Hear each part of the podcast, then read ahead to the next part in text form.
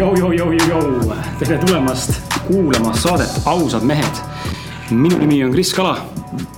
ja mina olen Martin Pukspuu. ja täna on, täna on käes järjekordne episood Ausad mehed äh, repertuaarist ja, ja kui ma praegu ei eksi, siis meil on kuuekümne üheksas episood, just nimelt kuuekümne üheksas episood, mida sa kuulad. Äh, ja läheneme seitsekümnele väiksele juubelile taaskord käisime eelmine nädal äh, Tantra festivalil, kui sa veel äh, seda saadet kuulanud ei ole, siis saad seda kuulata järelsaadet nii-öelda siis eelmise nädala oma on siis High on Life Tantra festivali koos Igoriga. kellega meil on, on eraldi saade olnud ka mõne nädala tagasi, mis on osutunud väga populaarseks, nii et kindlasti kuula, kui olete pole jõudnud veel. ja hoian kursis, mis on toimunud vahepeal. Martin näitas täna mulle, Martin näitas täna mulle seda, kuidas. Äh, räägi ise, Martin, mis lugu see oli, mis sa näitasid mulle?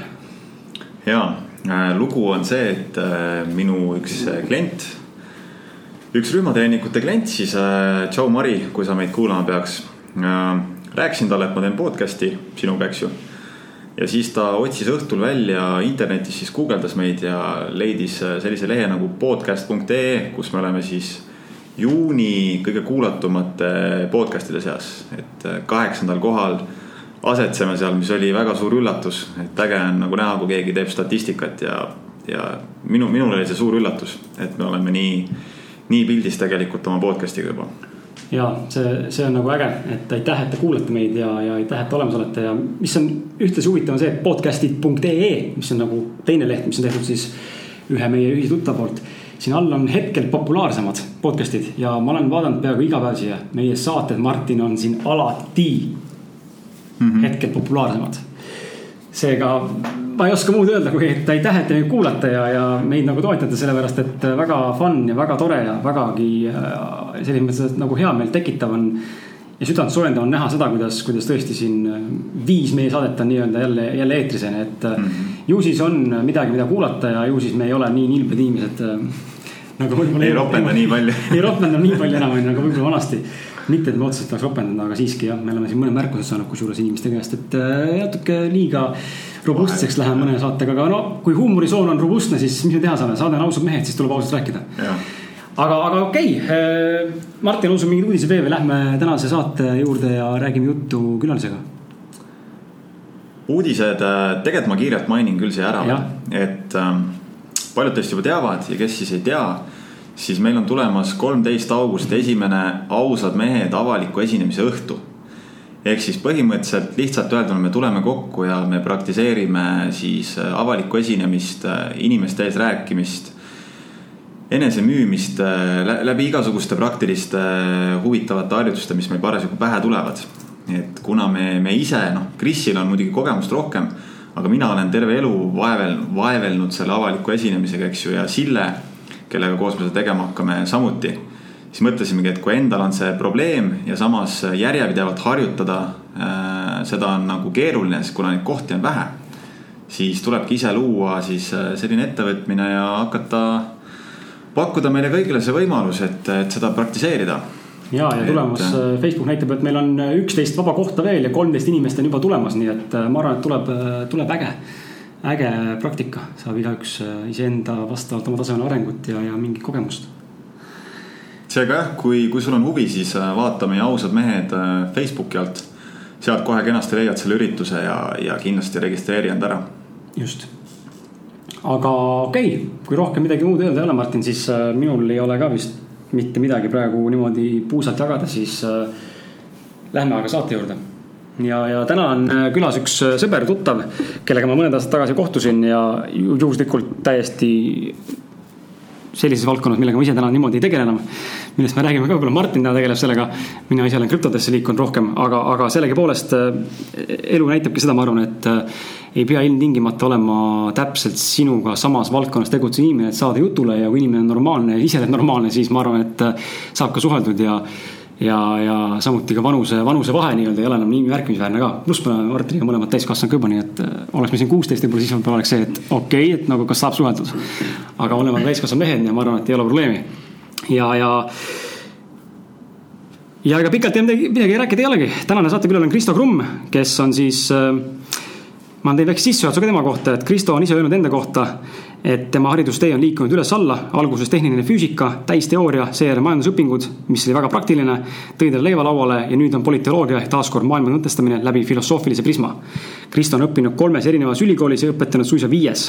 töötanud on ta, on, ta aastate jooksul maaklerina, reklaamijuhina, projektijuhina, turundus- ja müügidivisjoni juhina ja lektorina ülikoolides kogemuste ettevõtjana on Kristol alates aastast tuhat üheksasada üheksakümmend kuus ja oma koolitaja teekonda hakkas ta käima aasta kaks tuhat viis Kristo on maha pidanud mitmeid erinevaid esinemisi teaduskonverentsidel, teda on valitud aastatel kaks tuhat üheksa, kaks tuhat kümme, kaks tuhat kaksteist, kaks tuhat kolmteist, kaks tuhat neliteist Tallinna Tehnikaülikooli äh, kolledži parimaks õppejõuks. ja oma vaba aega sisustab ta hea meelega lugemisele, äh, reisides, sporti tege-, tehes, nagu näiteks murmaasuusatamine, jalgrattasport, ujumine, tennis ja golf. lisaks pakub Kristole huvi kalastamine ja matkamine ning tal on ka kolm poega. ja ta on õnnelikus abielus. nii et äh, sellise sissejuhatuse juurde, siis äh, tšau, Kristo. jah, tšau, Kris. kuidas, äh, kas see sissejuhatus äh, pigem on see, mis sind kui inimest pigem häirib, kui sinu kohta antakse mingid sildid külge või sa tunned, et see on asi, mille pealt saab tegelikult alati midagi edasi nagu anda? no vaata, kuidagi peab ennast ju identifitseerima. mina koolitajana ja, ja, ja lektorina või, või ütleme siis noh, avaliku esinejana aeg-ajalt kui ma, kui ma ennast, äh, kui ma oma koolitustel äh, näiteks inimeste isiku arengu puhul õpetan neid, kuidas ennast määratleda, siis aeg-ajalt küsitakse minu käest ka, et aga kes sina oled, räägi ja seetõttu see ei ole nagu raamistamine, see ongi selline oskus sihuke visiitkaart luua mm. -hmm. et ja ma olen selle isegi kuskil ise kirjutanud, ma arvan, ja kõik faktid olid täitsa tõesed, jah. see on su kodukalt ilusti kokku pandud nendest andmetest. jah, täpselt nii ongi. aga kas äh, sina kui esineja võib-olla või, või koolitajana, mul siin keegi ütles seda, ei mäleta, kes see, kes see seda rääkis, aga tekkis sihuke küsimus praegu sulle, et kui sa oled koolitaja ja ma olen sinu koolitusel või sa vead läbi koolitust, siis kas endast kui koolitajast rääkimine on oluline või pigem sa ootad seda küsimust, et sul küsitakse, kes sina oled? mingi sissejuhatuse peab tegema, ma arvan, et ikka peab. Äh, ma julgen arvata, et äh, üheksakümmend protsenti koolitusel osalejatest ei tea sind parem mm. -hmm. kes viitsib, on vahel guugeldanud, vaatab Facebooki kodulehele, enamus ei ole ju minuga kursis, minu tegemistega. ja mul on olnud korraga sihuke moment, ma räägin selle kiiresti ära, et ühel koolitusel, see koolituse nimi oli Inimene kui bränd, üks esimesi suure saali koolitusi. kui siis koolitus oli läbi, tuli minu juurde üks noormees, või ta kirjutas mulle. et tänan, koolitus oli tore, pa-pa-pa, aga enne koolitust valdas mind selline küsimus, kes see kurivaim on Kristo Krumm, kes räägib sellisel teemal. ta eeldas, et see inimene peaks ise olema nii tuntud, nii bränditud, et tal ei teki seda küsimust mm. -hmm. ja, ja seega mm, noh, on see täiesti õigustatud küsimus, et, et kui sa oled koolitaja, siis kõik ei pruugi sind teada. ja, ja ei maksa eeldada. nii et võib-olla, kui tuleb rääkima president, et siis noh, me teame enam-vähem, kes ta on, eks ole aga, aga ma olen kuulnud väga paljude Eesti inimeste, väga tuntud inimeste puhul seda, et, et tegelikult ei teata, millega nad tegelevad, teatakse, et on nimi, on see bränd, aga seda tausta ei teata. nii et ei, ma arvan küll, mina selle alati alustan oma koolitusi, oma esinemisi, oma ka ülikooli loenguid, kui ma näen, et vastas on ikkagi täiesti uus seltskond, siis lühitage see enesetutvustusega, jah. Mm -hmm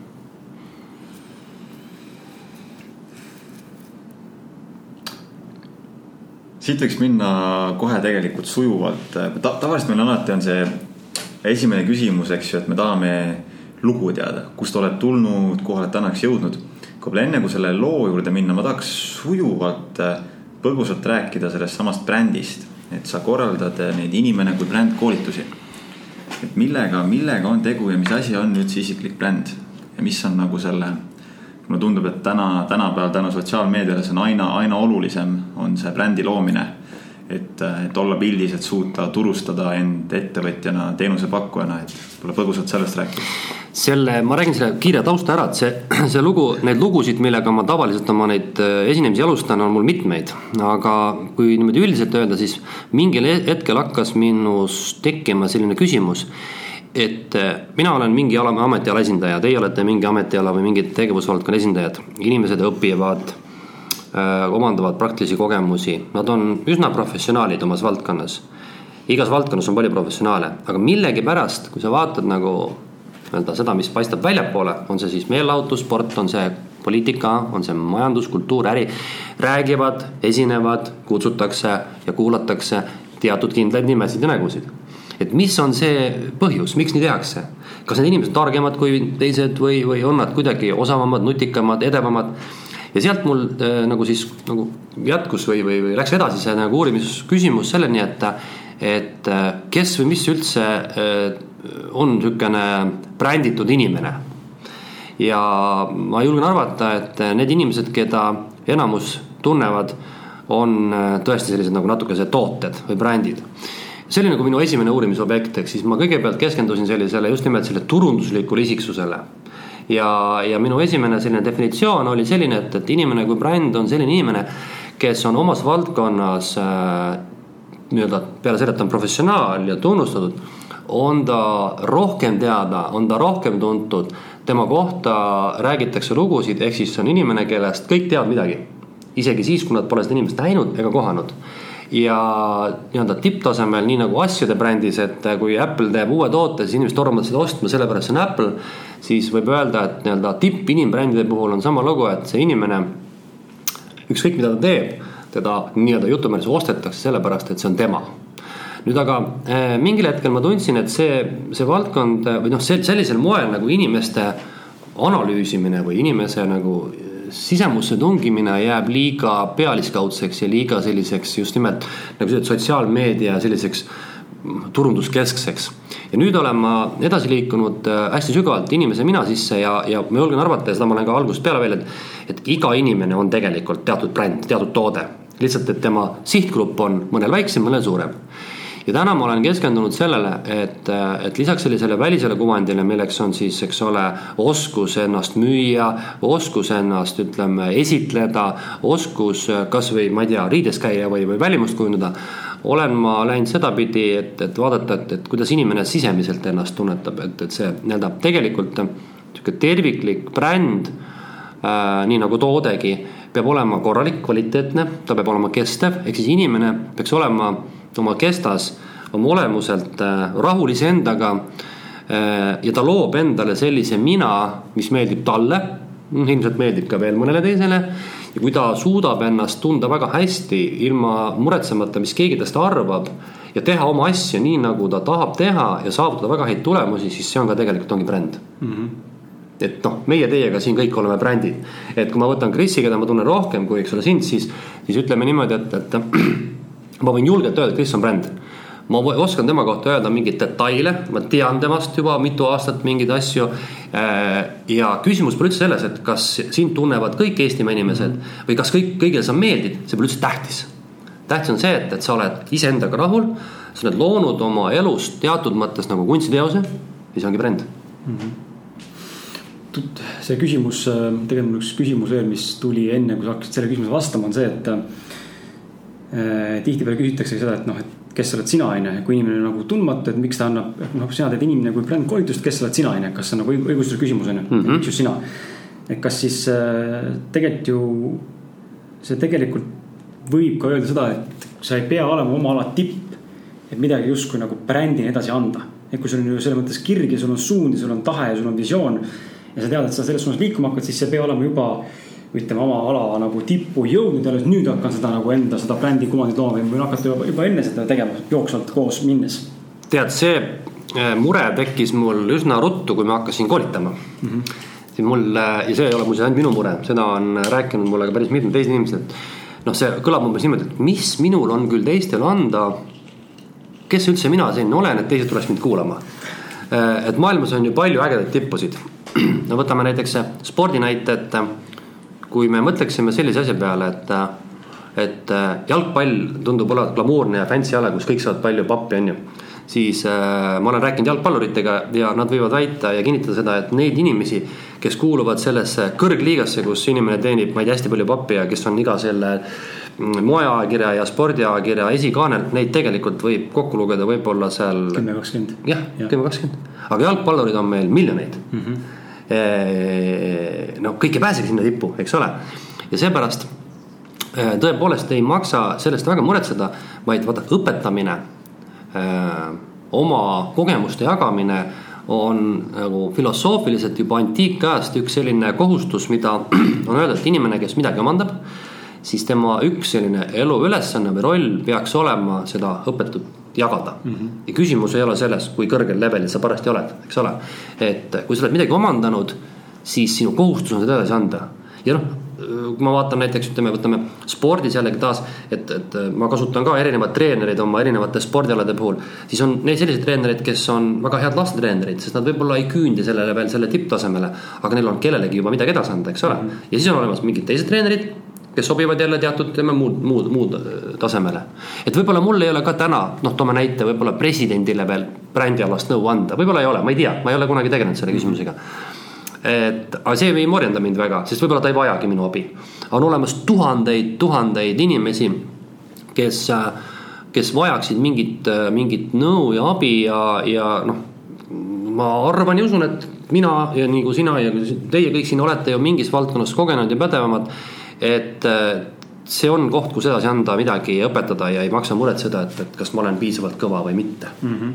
no vot, see on, nii räägi. et kas võiks siis nagu öelda, et äh, senikaua, kuni mul on rohkem kogemust mingis valdkonnas kellestki teisest, siis tema jaoks ma võin juba olla õpetaja, eks ju. no ma ütleme, et võib niimoodi öelda küll mm, -hmm. just piltlikult öeldes küll jah, et see oleks nagu see noh, see kõlab nagu loogiliselt, et kui sul endal ei ole kogemust siis noh, sul ei ole midagi edasi anda, eks ole. nüüd tegelikult on siin veel üks uba. koolitajana, õppejõuna, mentorina ma võin ju areneda lõputult tegelikult, eks ole, tarkuse ja kogemuse ja kompetentsi vallas. siis hea õpetaja on, peab olema minu hinnangul hea õpetaja. loomulikult me eeldame, et tal on kogemus, oskused, teadmised, praktika. Aga jällegi toome jälle uuesti spordi näite, maailmas on väga palju treenereid, kes ei tegele selle alaga üldse. Nad ei oska seda teha. või nad äh, füüsiliselt või oskustelt jäävad kõvasti alla oma treenitavatele. aga neil on oskus õpetada, vaata, eks ole. ja nüüd ongi see, et, et kui sina tunnetad, et äh, näiteks ütleme, et mingi valdkond, milles sa mm, oled kirglikult pühendunud või sind huvitab see valdkond ja sa vaatad neid inimesi, kes ka sellega tegelevad ja sa näed neid puudujääke või sa tunnetad, et nad vajaks abi, siis äh, nad võivad olla sinuga teadmistelt samal tasemel. aga kui sa tunnetad, et sul on oskus neid suunata õiges suunas, siis sa tegelikult juba natuke, sa oledki õpetaja. ja ka õpetajad, ka needsamad mentorid ju arenevad äh, kogu aeg juurde läbi oma õpetatavate, läbi oma situatsioonide. et mina ütlen ka niimoodi, et ma kindlasti ei ole kõige targem inimene, kaugeltki mitte aga ma tunnetan, et mul on oskus edasi anda, mul on oskus õpetada. mul on oskus inimesi panna kuulama, neid motiveerida. ja, ja see on tegelikult, mida inimesed tahavad, sest vaata äh, elus, kui me jätame teaduse kõrvale, võtame igapäevaelu. kõik see sisemine enesekaemus ja mm, -hmm. ja selline, selline eneseanalüüs ja, ja kõik sellised eneseõpetuslikud asjad. tead, noh, ma arvan, et te mõlemad olete lugenud raamatuid tuhandeid või noh, tuhat mitte kümneid, mina ka, seal ei ole mitte midagi uut seal ei ole mitte midagi uut loed, palun, ma ju tean sellest asjast. küsimus on selles, et enamus ka minu õpetatavatest, kui me räägime eluasjadest, sama inimbränd, teavad kõiki neid asju. aga miskipärast nad ei oska rakendada. Nad ei tea, mida tuleks teha ja enamus mentorite, enamus selliste mm, treenerite, ka igasugused konsultantide roll on just nimelt nagu seda elu meelde tuletada mm, -hmm. midagi uut välja mõelda. sageli on väga raske, kui me jätame jah teaduse kõrvale, eks ole kõlab loogiliselt jah mm -hmm.. et ühesõnaga just siis see, pigem on see, et eh, kõik need tarkused ja teadmised on justkui juba olemas seal, aga vaja on just seda inimest, kellega mina suudan hästi suhestuda ja kes suudab nüüd tulla ja mulle siis eh, teha lihtsalt eh, minu keeles selgeks selle asja, eks ju. jah, ütleme niimoodi, et, et tõenäoliselt on sul alateadvuses olemas väga palju teadmisi. nüüd see kõrvalt tulev inimene, tema nagu roll peaks olema see, et, et ta kuulab sind ära ta, tal on omad kindlad, ütleme näiteks seesama, nüüd võtame teise hüppe näite, et Kris siin tahab abi saada, eks ole, äriplaani osas. siis oleme ausad, mul on tegelikult mingid tööriistad alati olemas.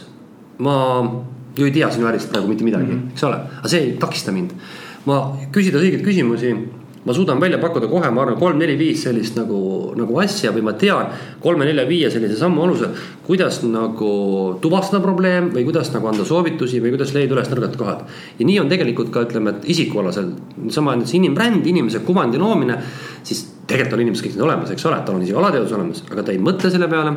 ta ei mäleta neid asju ja nüüd sinu kui treeneri ülesanne on omandada see metoodika, kuidas panna inimene meelde tuletama neid asju ja, ja, ja oma ja seda omandatud või õpitud oskusi rakendama. minu arust see kohati nagu on isegi see aspekt ka juures, juures, et ma enda elukogemus olen näinud seda enda peal. ise kogenud ja samas ka näinud, kuidas äh, ise olen, olen olnud siis nii-öelda see õpetaja rollis ja õpilasrollis, et just see, et noh. Martin ütleb, täna mul mingit ühte juttu ja sa räägid mulle homme sama asja sõna-sõnalt mm. -hmm. ma sinust saan aru, Martinist ei saa aru. ja kus on see fenomen, miks on niimoodi, et meil on vaja mõnikord. noh, meil ongi mõnikord vaja reaalselt, sul on, mul oli siin elukaaslasega mingi, mingi näide, kus ta on rääkinud mulle mõnda aega, mingi aasta tagasi mingit ühte asja. ja nüüd ma kuulasin või lugesin mingit raamatut, sain ühe lause ja ütlesin talle selle, kuule, et sihuke mõte tekkis ja mingi, et ma rääkisin sulle just aasta tagasi sellest ja siis ma sain aru, et ma ei olegi vastu võtnud infot, et see on nagu läinud mööda must uh -huh. ja nüüd jõudis kohale. et nagu miks see on niimoodi, et mõne, mõni inimene nagu reach ib nagu küündib meieni rohkem paremini kui teine. ma arvan, et siin on kaks asja, äh, üks on vastuvõtja pool, et äh, lihtsalt ei ole valmis vastu võtma mingit asja.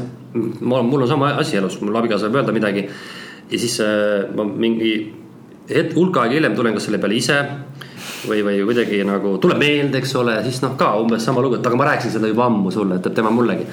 et, et on kohti, kus sa ei ole võib-olla valmis, on ju, see, sa, sa kuulad, aga sa ei kuula mm. -hmm. nüüd aga tegelikult on ikkagi see, et läheme teisele poolele et kui me räägime nagu nüüd teadmiste ja oskuste edasiandmisest ja motiveerimisest, siis siinkohal ma ütlengi, et see on võib-olla kõlab nagu natukese ketserlikult või, või, või, või, või nagu isegi võib-olla mitte väga korrektselt, aga mis eristab nagu head koolitajat, head õppejõudu siis nüüd mitte heast, on mitte teadmised, vaid õpetamisoskus.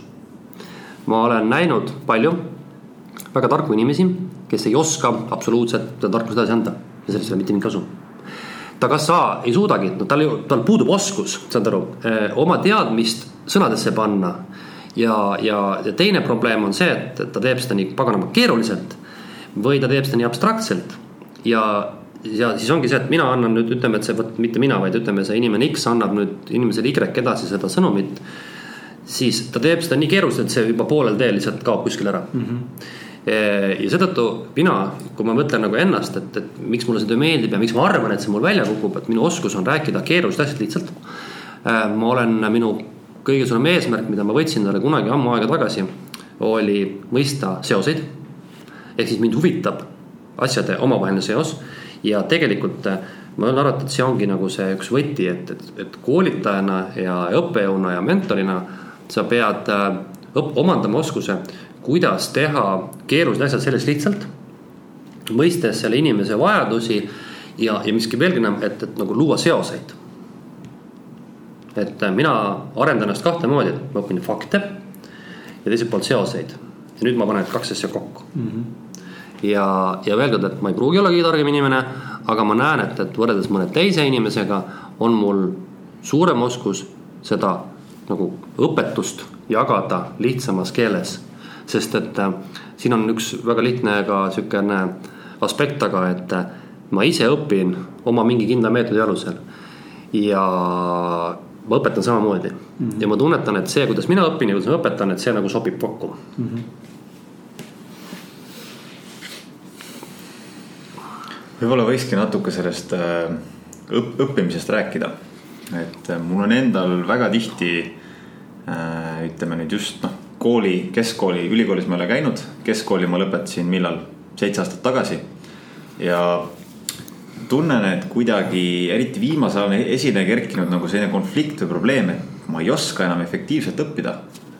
et mul on tihti selline tunne, et kui ma võtan mingi valdkonna, eh, ma tahan selles nüüd saada pädevamaks, näiteks ma olen, eks ju, treener, eh, personaaltreener jõusaalis. et äh, tahan minna siis selle, sellega rohkem süvitsi ma tihti nagu avastan end siukse lõhkise küna eest, et teadmisi on nii palju, aga et nüüd seda välja selekteerida, valida seda infot, mida õppida, kuhu nüüd süvitsi minna, on jube keeruline, sest et teaduslikku materjali ma ei suuda vastu võtta, mu aju lihtsalt ei näe sealt seda olulist infot läbi. ja, ja samas nagu päris sihukest äh, päris lihtsalt äh, kirjutatud äh, ei jõua mulle ka kohale, see on nagu, see ei ole jälle piisavalt, piisavalt sügav. Et mis oleks nagu nõuand võib-olla noorele inimesele ka tänapäeval, kui seda infot on nii palju, et kuidas nagu võtta mingi valdkond ja, ja see endale mingil määral selgeks teha? Ma saan aru, et, ähm, et sa praegu pead silmas sellist õppimist nagu lugemine ja, ja ütleme midagi taolist, eks ole. no nagu, nagu, ja nagu akadeemiline õppimine, eks ole, okei. okay.. nüüd siin on niisugune lugu, vaata eh, noh, õppida saab erineval moel, eks ole, et, et äh, ma ei ole nüüd äh, selle nii-öelda pedagoogika alas nii kõva proff, et ma nüüd tulistaksin siit mingit äh, puusalt mingi numbrid, aga noh, ütleme jämedalt, et. just, kuidas sina õpid? ja, et noh, õpit-, õpitakse, eks ole, kas läbi kuulamise, ühistegemise, arutamise, noh, praktilise poole niimoodi. mina mm,, mulle meeldib selline nagu ütleme, lugemisõpe ja siis äh, sinna kõrvale sihuke videod ja siis sihuke audiovisuaalne, eks ole, pool tervikuna.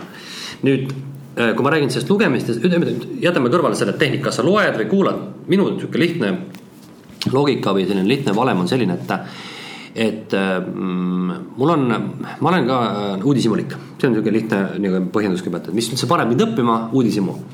Äh, mind huvitavad mingid küsimused, ükskõik mis valdkond see on. Äh, mind huvitab mingi teema ja, ja tegelikult, mida ma teen, ma hakkan otsima selle kohta materjali, räägime praegu siis lugemismaterjalist, on see internetis, on see raamatutes, on see aegredes. noh, ma arvan, et ütleme kuskil kas nüüd pool, aga võib-olla ütleme, et kolmandik kogu sellest materjalist, mida ma esimese hooga endale kokku otsin, ei sobi. erineval põhjusel. Kas ta on, noh, ei puuduta teemat, on ta igav, kuiv, keeruline, lihtne, ühesõnaga kolmandik umbes ei sobi. Eh, ülejäänud kogu sellest materjalist ma siis noh, ma, ma otsin seda nii, et ma, ma, ma lähenengi küsimusele uudishimuga, mind huvitab mingi teema, näiteks et a la, et noh, et võtame sellesama näiteks nüüd inimbrändi või isikliku arengu või või, või mis iganes muu, siin oli jutuks poliitika ja ühiskonnateadused. noh, lihtne küsimus näiteks, mis mind kunagi pani huvitama, hästi lihtne küsimus. miks on nii, et ühed on rikkamad kui teised? see on maailma kõige lihtsam küsimus mm, -hmm. nii. ja nüüd selle niimoodi hakkasin lähenema, see küsimus tekitas minus nagu noh, probleemi või, või, või sealt tekkis nagu huvi. ja nüüd ma hakkasin otsima, et, et noh, kus võiks olla kirjas midagi sellist selleks lappad läbi mingi hulga raamatuid, läbi, lappad läbi juba internetti, ükskõik mida sa ei saa otsust lugeda. ja tegelikult liikumine toimub minu puhul alati lihtsamalt keeruka peale, nii nagu see on loogiline. et kõigepealt sa otsid üles kõige lihtsamad definitsioonid ja siis sa liigud sealt edasi ja nüüd on sinu otsus, kui kaugele sa lähed. kas sa jääd pidama sellise tavateadvuse juurde, eks ole, millega sa suudad, ütleme, toime tulla, millega sa suudad ka Eh, oma tööd teha ja mille puhul sa suud-, tead, et noh, et, et, et see on see praktiline tasand.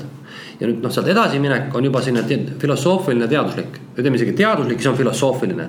see kõige kaugemaga ei pruugi sul olla igapäevaelus midagi te tegemist. see ainult äh, laiendab sinu silmaringi ja võimaldab sul nagu näha nii seoseid kui siis ka seda vundamenti, millel kogu selle valdkonna teadmine ja teadvus ja praktika baseerub. et sul on valik Äh, minna ja sa võidki jääda pidama sellise tavateadvuse peale, mis ei lähe sügavalt äh, filosoofiliseks.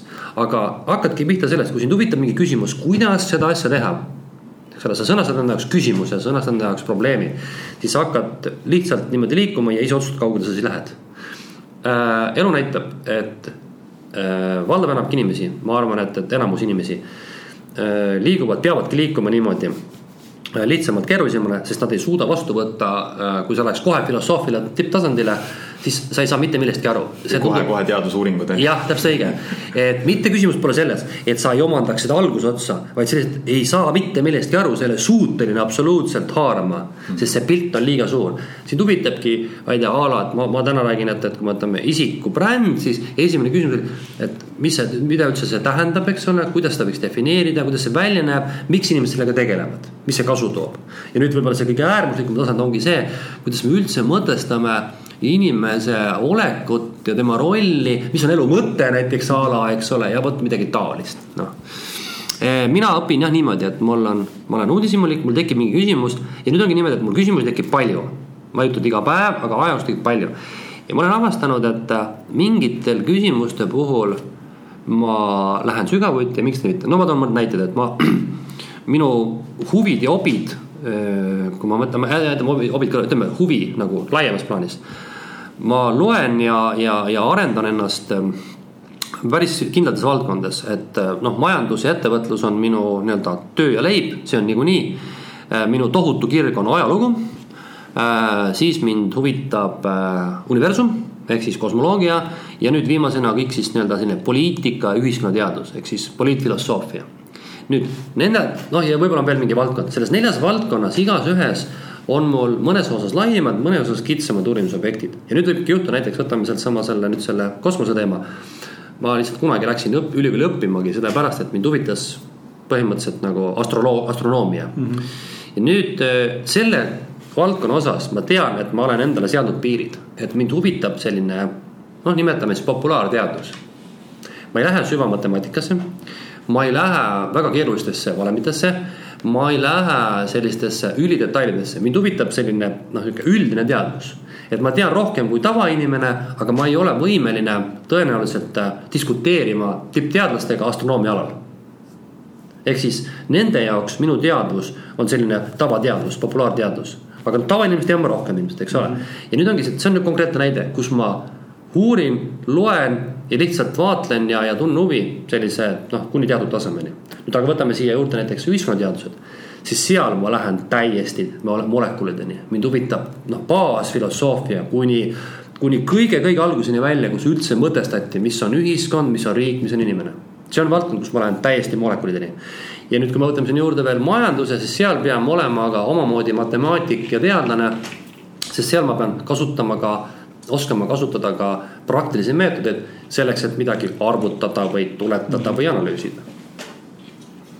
et võib-olla midagi taolist võiks olla nagu mm -hmm. jah, ja see on minu, minu nii-öelda töö.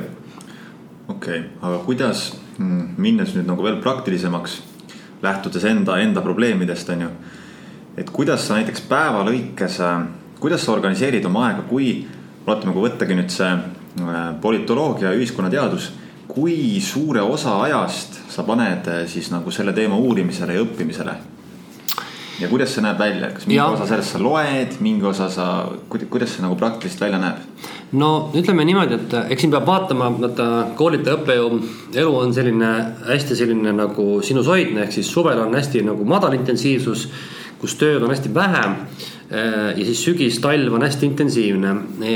Ja noh, eks tööna on ka see, et tihtipeale võtad nii palju, kui sa jaksad võtta või kui palju sa tahad võtta. nüüd äh, ma võtan siis laiemalt, et, et kuidas ma loen üldse, kuidas ma õpin, et noh, samad neli valdkonda, mis ma tõin lauale.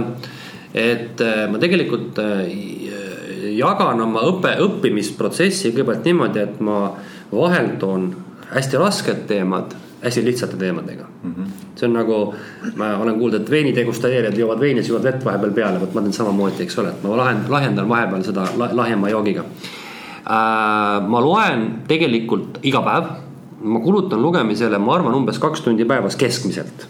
see on keskmine, mõnikord on rohkem, mõnikord mõni päev ei loe üldse midagi ma põhiliselt loen ja siis seejärel vaatan võimalikke videosid ja mul on palju selliseid tegevusi näiteks nagu kodus, ma ei tea, muru niitmine või, või, või, või midagi muud sihukest tegemist, kus ma saan ka kuulata. panen klapid pähe, telefonist, arvutist saab kõik, eks ole. ja audiobook'id ja. jah, jah, podcast'id ja kõiksugused asjad, just täpselt, eks ole, ja noh, isegi Youtube häälena sobib, eks ole. nii et need on nagu kolm meetodit ja ma, mul on tegelikult enam-vähem peas alati ees umbes paarikuine list nendest raamatutest, mida mul vaja on.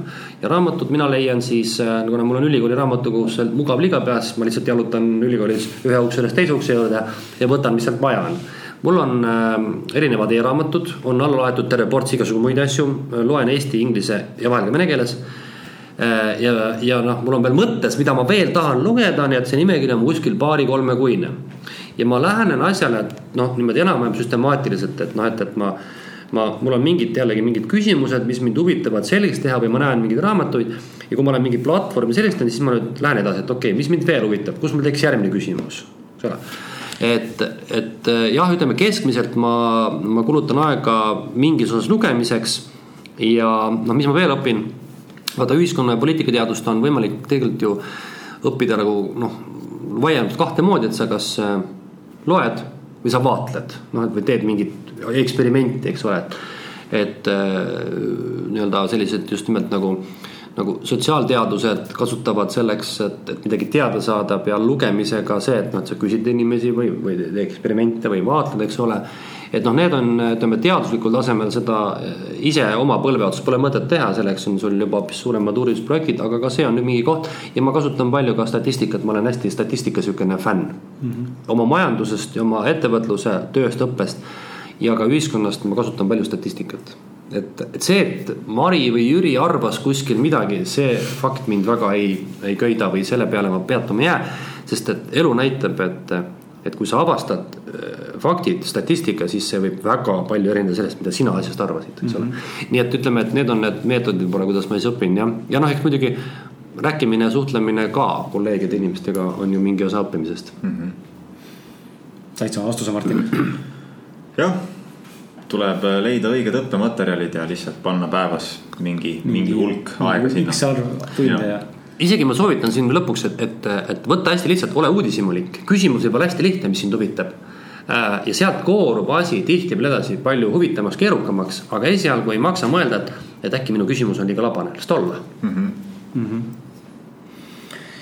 kas sa korra mainisid siin äh, selle küsimuse täiesti alguses, et sind huvitas küsimus, miks mõned on rikkad, mõned on vaesemad. ma siis lähen siit korra nagu suht samale tasemele, aga analoogia mõttes, et äh, millest sõltub inimese edu? ja, või ja mida sina ja, okay. pead edu, edukaks ja, eduks okay.? Äh, kõigepealt, et jah, et edu ilmselt äh, defineerimine on hästi keeruline ja, ja seda ongi võib-olla võimalik teha ju noh, nii ütleme paljudes sellistes küsimustes on mm -hmm. vastuseid palju, eks ole ju ühelt poolt on edu see, mida inimene ise on enda jaoks seadnud, et ma toon siis praktilise näite majandusest, ettevõtlusest, et kui näiteks nüüd ütleme, teie teete oma ettevõtte, nii, ja ütleme, et teete täna, nii. ja nüüd mina siis äh, aasta pärast saan teiega kokku, küsin, kuidas läks, no mis tavaliselt vastate? ülihästi. ja minu küsimus järgmine, kust sa tead? siis on, tavaliselt inimesed ei teagi, ma arvan. jah, ehk siis. võrdlusmoment. just, aga kust tekib võrdlusmoment? Teiste, teiste näitel, keda me peame edukaks? Äh, kõigepealt iseendast, kõigepealt sa püstitad endale eesmärgi. ehk siis tegelikult täiesti piisab sellest, kui sa ütled, et väga hästi läks, ma täitsin kõik oma eesmärgid mm. -hmm. eks ole, on ju täiesti selge, et inimesed, ettevõtjad püstitavad erinevaid eesmärke. ja kui me hakkame ennast võrdlema ainult teistega, siis läheb asi jumala rappa ainuke põhjus, kus ma näen, et seda on mõttekas teha, on siis, kui sa oled äh, tippsportlane, kui see on sinu töö. no et kui sa tead, et kui sa ei võida seda võistlust ära, siis sa ei saa seda mm -hmm. miljonit sealt pärast, eks ole. järelikult sa pead või, või võrdlema ennast teisega, et kas tema on parem kui sina.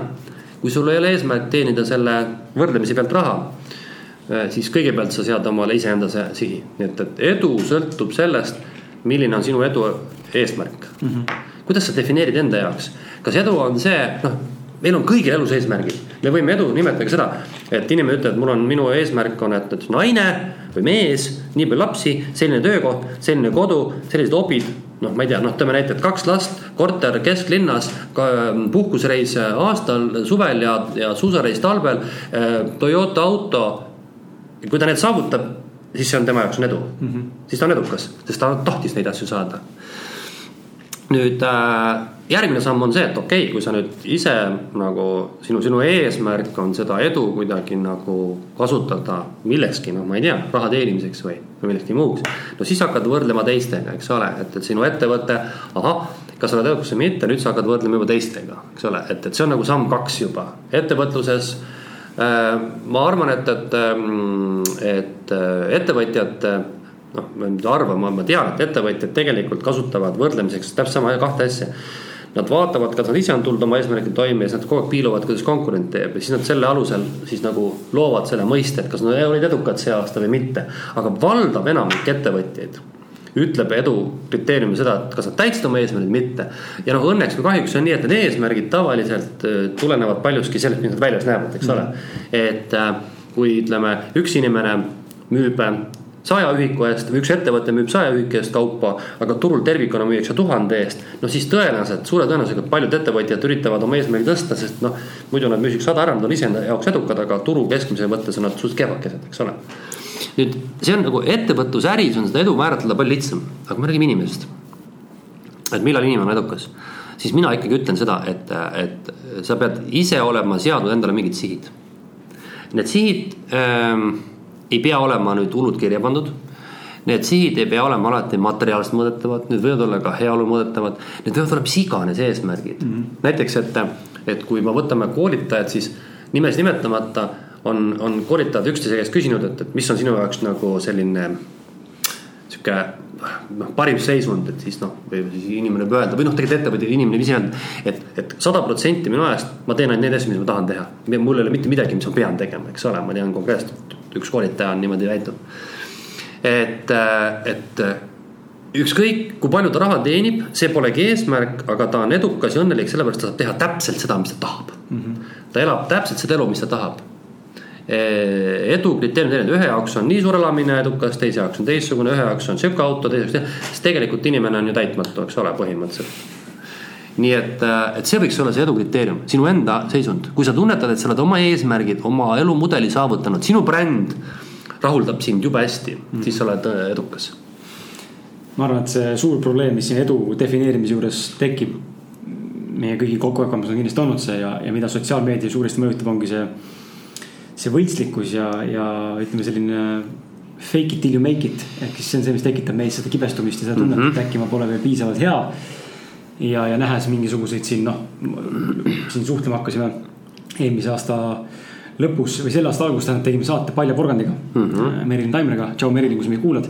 kes on väga tore inimene ja see, mis meedia temast on teinud, see ei ole üldse see, kes ta päriselt meie, meiega vähemalt meie ees oli. et nagu täiesti kardinaalselt teine inimene. aga noh, et ongi, et kui sa vaatad Paljas porgandit sotsiaalmeedias, siis paratamatult sul tekib tunne nagu, et no fuck that noh.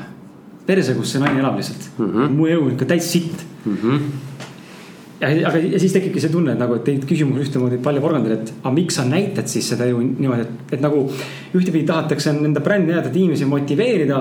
samal ajal tegelikult selle motiveerimise käigus, enda näitamise käigus tegelikult läbi sotsiaalmeedia me tegelikult salvame üksteist mm. -hmm. väga pinna peal, nagu selles mõttes väga salaja, aga, aga me teeme väga haiget. et ma ise olen saanud haiget, ma kindlasti olen haiget teinud kellelegi kust nagu, et noh, see, see, see ongi see, et see sotsiaalmeedia. miks, miks niimoodi tehakse? no miks on see sotsiaalmeedia niivõrd suur, eh, selles mõttes nagu paganlik, selles mõttes nagu jutumärkis tööriist, et ta on nagu justkui mm. positiivne. samal ajal niivõrd negatiivne, et võibki tekitada sinust tunde, et sa ei olegi mitte kunagi edukas. okei okay., eh, muuseas ma arvan, et, et me kõik kolmekesi suudaksime teha äh, üsna kiiresti sellise, no mitte kiiresti, aga mõne aja jooksul jätta sellise pildi, et me oleme ka sigaedukad, onju. vabalt võime teha, lähme rendime kuskilt mingid Lamborghinid näiteks ja, ja teeme mingeid pilte ja usu mind ja, ja kõik välismaa kohad, kus me käime, paneme ainult ülesse ja, ja kõik hobid ja, ja jääbki mulje selline mm. -hmm. see on teadlik, loomulikult, mina teen ka seda teadlikkust, aga mina teen teadlikkust lisaks sellele, et, et, et mul on mingid hobid või reisimised. ma kujundan teadlikult oma brändi seal ja, ja, ja, ja see kuvand tegelikult on nihuke lugu, ma ütleks niimoodi.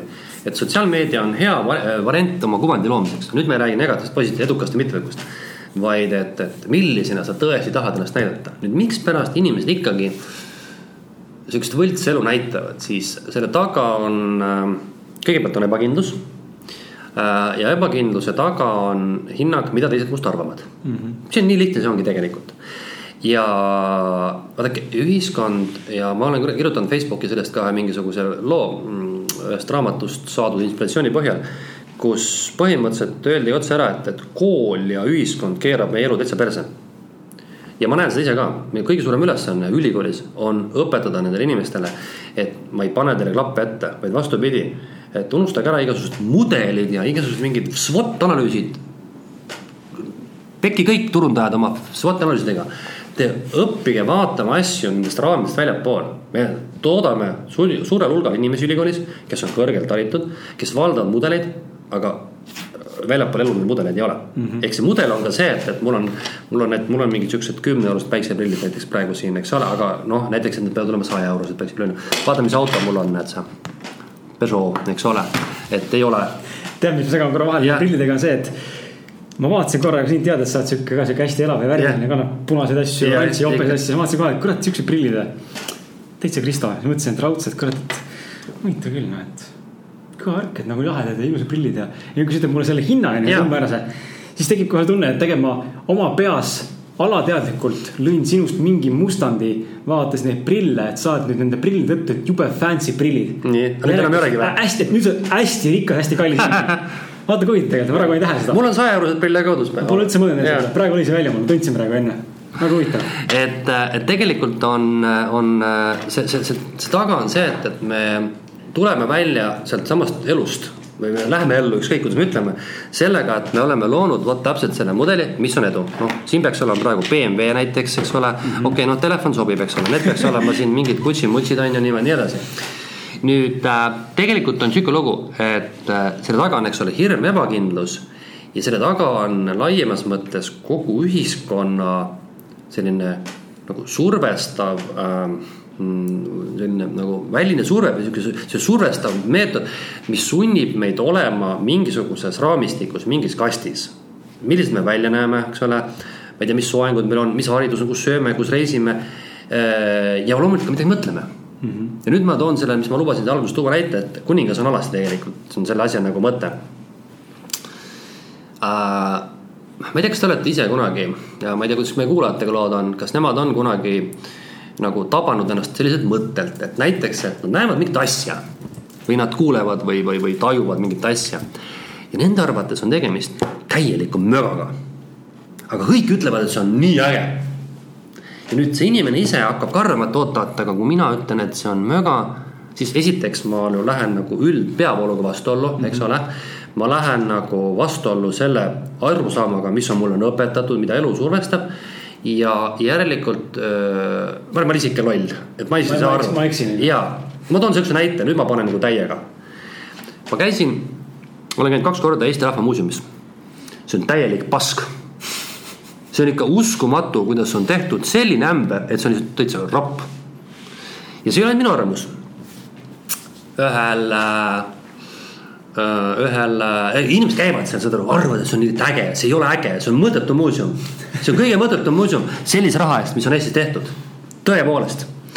ehk siis ma ei tea, kas need inimesed ei ole kunagi muuseumites käinud või Eesti rahva ajalugu ongi nii nõrk, et siin on näidatud ainult äh, sularautomaati, ühte potikildu ja siis kolme mingit õllekappa, eks ole, nii. nüüd see ei ole minu arvamus ja ma veendusin selles oma näites sellega, et oli üks äh, üritus, kus me ootasime selle seltskonnaga bussi seal ERMi ees. Ja siis noh, nagu ikka see aega venis, mina olin väljas seal, ma ei tea, kas ma rääkisin talle juttu või ei rääkinud, tuleb üks minu siis nagu tuttav sealt välja samast muuseumist, meil oli tasuta ekskursioon. ja see tüüp niimoodi vaatab mind ringi ühele poole, teisele poole, et keegi näeks ja kuuleks, tuleb küsima mu käest. kuule, kuidas sulle tundus see muuseum olevat? mina ütlesin, nagu ma praegu ütlesin, see on täielik jama. vaatab ringi, kuule minu arvates on ka jama ma arvasin, et see on palju ägedam, et see on ju mingi mõttetu asi. ja ma ütlesingi, et see on näide, kus kõik arvavad, et see on äge, aga see tegelikult ei ole äge mm. -hmm. Ja me arvame palju asju sellepärast, et kõik ütlevad, see on äge. nii on inimeste, asjade, brändide, okei okay,, las see ERM olla, tühja kah äh,. nii on palju asju, nii on filmidega, sa käid vaatad mingi filmi ära, kõik räägivad, ikka äge on. ja mõtled, ongi äge, tegelikult ei ole ju äge, on ju, tegelikult on liiga rämps, on ju. ja nii on iga asjaga ja nüüd, miks me niimoodi käitume, ongi see, et meid on õpetatud, paneme raami seesama näide Facebookis, kui sa kirjutaks praegu, et Eesti Rahva Muuseum on möga. Saaks niimoodi sealt, on ju. täiega saaks täiega. muidugi, sest et sa lähed peavooluga vastuollu, on ju, kusjuures enamus vastajatest ei ole seal isegi käinud. aga nad jagavad seda ühiskondlikku arvamust, eks ole. ja niimoodi on paljude asjadega, mikspärast on Peugeot jama võrreldes Mersuga, ei ole sest kõik arvavad, et noh, et, et meil on õpetatud, fancy on, eks ole, või sõita näiteks hoopiski jalgrattaga. tropp oled või, ei jaksa autot osta või, eks ole et noh, vaata inimesed saavad aru isegi teatud mõttes sellest ja nüüd, kui sa räägid, et vaata me enne seda, kui me seda mikri panime tööle. no sa ütlesid, et inimesed on nagu, eks ole, julgenud rohkem nagu noh, kuidagi nagu olema ausad niimoodi mm. -hmm. on tõesti on ja, ja ma arvan, et nad on kogu aeg olnud inimesed olemas, aga nad julgevad rohkem öelda, et kuningas ongi alasti ehk siis äh, väga palju, mis meile ette näidatakse, me arvame, et noh, see on ju tõesti kihvt ja, ja äge ja sellepärast me ka näitame ühesuguseid pilte. Me kuvame neid õnnelikke inimesi, eks ole niimoodi. me ei kirjuta näiteks seda, et, et noh, vaata, mul on siin üks väga hea tudeng, tere Heelias, võib-olla sa kuuled Helia Sillamaa, kes on oh, väga fancy, kooliõde. väga fancy, eks ole, no vot, ma siinsamas üle siit aknast paistvast koolist õpetasin. kus ta äh, tulistab meie neid suunamudjaid ja, ja paneb üles pilte, kus tal on vinnid näos. See on sihuke, mida mitte keegi kunagi ei tee, eks ole, vaid paneks sihuke ilus nägu. või, või isegi tead, mis mulle meeldis, mulle meeldis kunagi Peeter Võsa, kes tuli, tegi filmi sellest, kuidas ta Kainusmaast välja tuli, eks ole. ta julges olla aus, eks ole. enamus panevad pilte ja siis jääbki mulje, et oi kui ilusti kõik nad elavad, eks ole, tuhkagi. hea küll, nad võivad elada oma vales ilusti, aga me, me läheme nagu, me kardame minna peavooluga vastuollu. me kardame näidata asju teise nurga alt sest et, et, et me oleme harjunud niimoodi tegema ja ma arvan, et ja mul on, mul on mitu tuttavat inimest, kelle kohta ma olen aeg-ajalt öelnud, et kuule. et miks sa paned neid pilte sinna Facebooki selliseid, ah niisuguseid pilte enne, eks ole, see tegelikult ja ma, ja ma räägin selle inimesega, ta on sügavalt teistsugune inimene mm. -hmm. aga miski harjumuse jõud ja hirm sunnib teda ennast unustama sel hetkel, kui ta hakkab tegema mingeid postitusi. mina aegade jooksul olen ka äh,, alguses ma lausa kartsin panna avali-, ava-, selliseid kuidas öelda siis siukseid nagu alasti sõnavõtusid mm -hmm. ja ma olen isegi ära kustutanud mingid, sest et see sõim on nii ropp olnud sealt, eks ole. täna ma enam ei karda, sest et äh, ma näen, et, et noh, inimesed äh,. ma ei tea, nad, nad võib-olla ei saa aru, kui nad seal kommenteerivad midagi, millest nad kommenteerivad või nad siis tegelikult äh, noh, tegelikult nad ei julge öelda nagu tõde välja poliitika on üks hea näide, eks ole, vaata, kuidas meil siin on erakonnad omavahel kaklevad ja võitlevad ja ja tegelikult jällegi taaskord, see on see koht, kus, kus ühelt poolt nagu tundub, et, et on mingid erakonnad, mingid poliitilised jõud, kes just nagu sur survestavad inimesi välja ütlema tegelikku tõde. aga samal ajal jällegi siis tekib teine moment, et aga siis hakkab tekkima see, et see on kas meie arvamus või vale arvamus ja, ja noh, tegelikult poliitikas on seda tegelikku tõde nagu väga raske öelda, aga see on üks koht, kus me näeme Eestis, kus noh, ja maailmas ka, kus kus püütakse ka nagu mingid asjad ikkagi sealt nagu laua alt välja tuua, öeldes, et noh, et see nagu pilt ei ole päris okei okay. mm. -hmm nii et ma arvan, et meie, meie taga on meie ebakindlus, hirm kõige rohkem ja see on üks isikliku arengu, ma ütleks, et üks suur võti. et vaata, ma praegu tegelen muuseas isiklikult sellise teemaga, võtame Maslow püramiidi, kõik teavad seda, mis asi on, eks ole. seal all on meil need baasvajadused, me saaksime turvalist ja, ja ma, mitte turvalist, kõigepealt on see, et meil on kõht täis ja me saaksime sooja ja elada üldse siis tuleb turvalisuse vajadus, eks ole, siis tuleb mingi kuuluvusvajadus, eks ole, siis tuleb meil tunnustusvajadus ja siis tuleb eneseteostus, eks ole. nüüd noh, valdav enamik inimesi ütleme, et on leiva lauale saanud, kuuluvuse nad saavad ka kätte, eks ole ju. ja nüüd on siis nagu siis järgmine on siis ütleme sealt äh, hakkab see tunnustusvajadus tekkima. ja nüüd inimesed jäävad sellesse tunnustusvajadusse kinni mm. -hmm. ja siis ongi see probleem, et ka mina tunnetan aeg-ajalt, et ma täiesti ausalt läbi raadioeetri, et minul on ka see, et ma pendeldan tunnustusvajaduse ja eneseteostusvajaduse vahel ja nüüd on minu eesmärk nagu, mida mina olen endale ülesandeks seadnud. astuda nüüd sinna lõplik samm sinna eneseteostusesse mm. -hmm. et ma ei pea vajama tunnustust, saad aru, ma ei pea panema pilte, et ma olen seal nii ja vot, vot just selle beach'i peal ja sellisest asjast. ma püüan nagu teadlikult iga kord mõelda, et, et okei okay,, kui ma panen sinna mingi pildi, mis sõnumi ma selle välja annan, mõistad ma võiksin iga päev panna pilti, kus mängin tennist, golfi, ratsutan, ujun. ma teen neid asju iga päev, eks ole.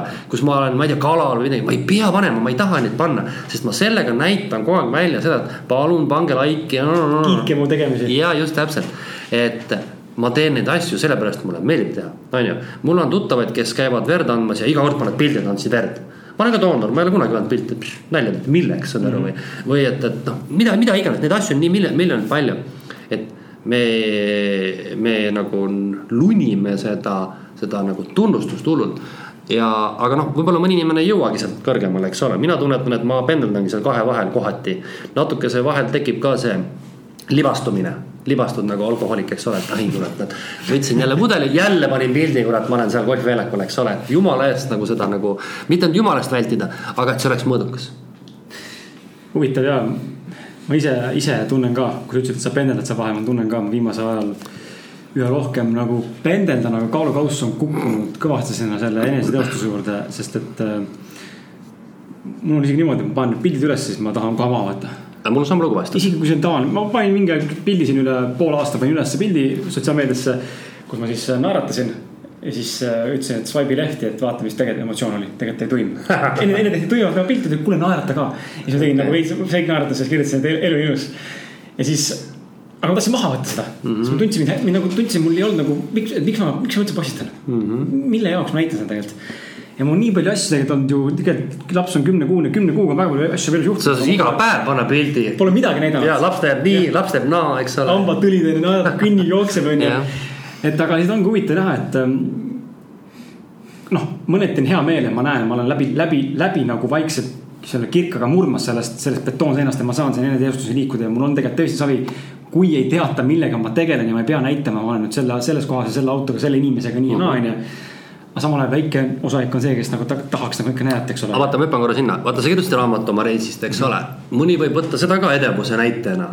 aga tegelikult, kui sa nüüd hakkad mõtlema, millest sa seal kirjutasid ja mis oli see sõnum, siis, siis noh, reisikirjeldus öö, ei ole ainult ju edevuse näitaja, see ongi tegelikult, see on mingi sinu lugu näiteks. kogemus. kogemus ja sellest keegi saab kasu, võtame näiteks need raamatud, minu raamatu, minu sarja raamatu, mida Petrone välja annab, eks ole, jumala ägedad. Nad on ju tegelikult kõik mingi inimese natuke segotripid, aga ei ole.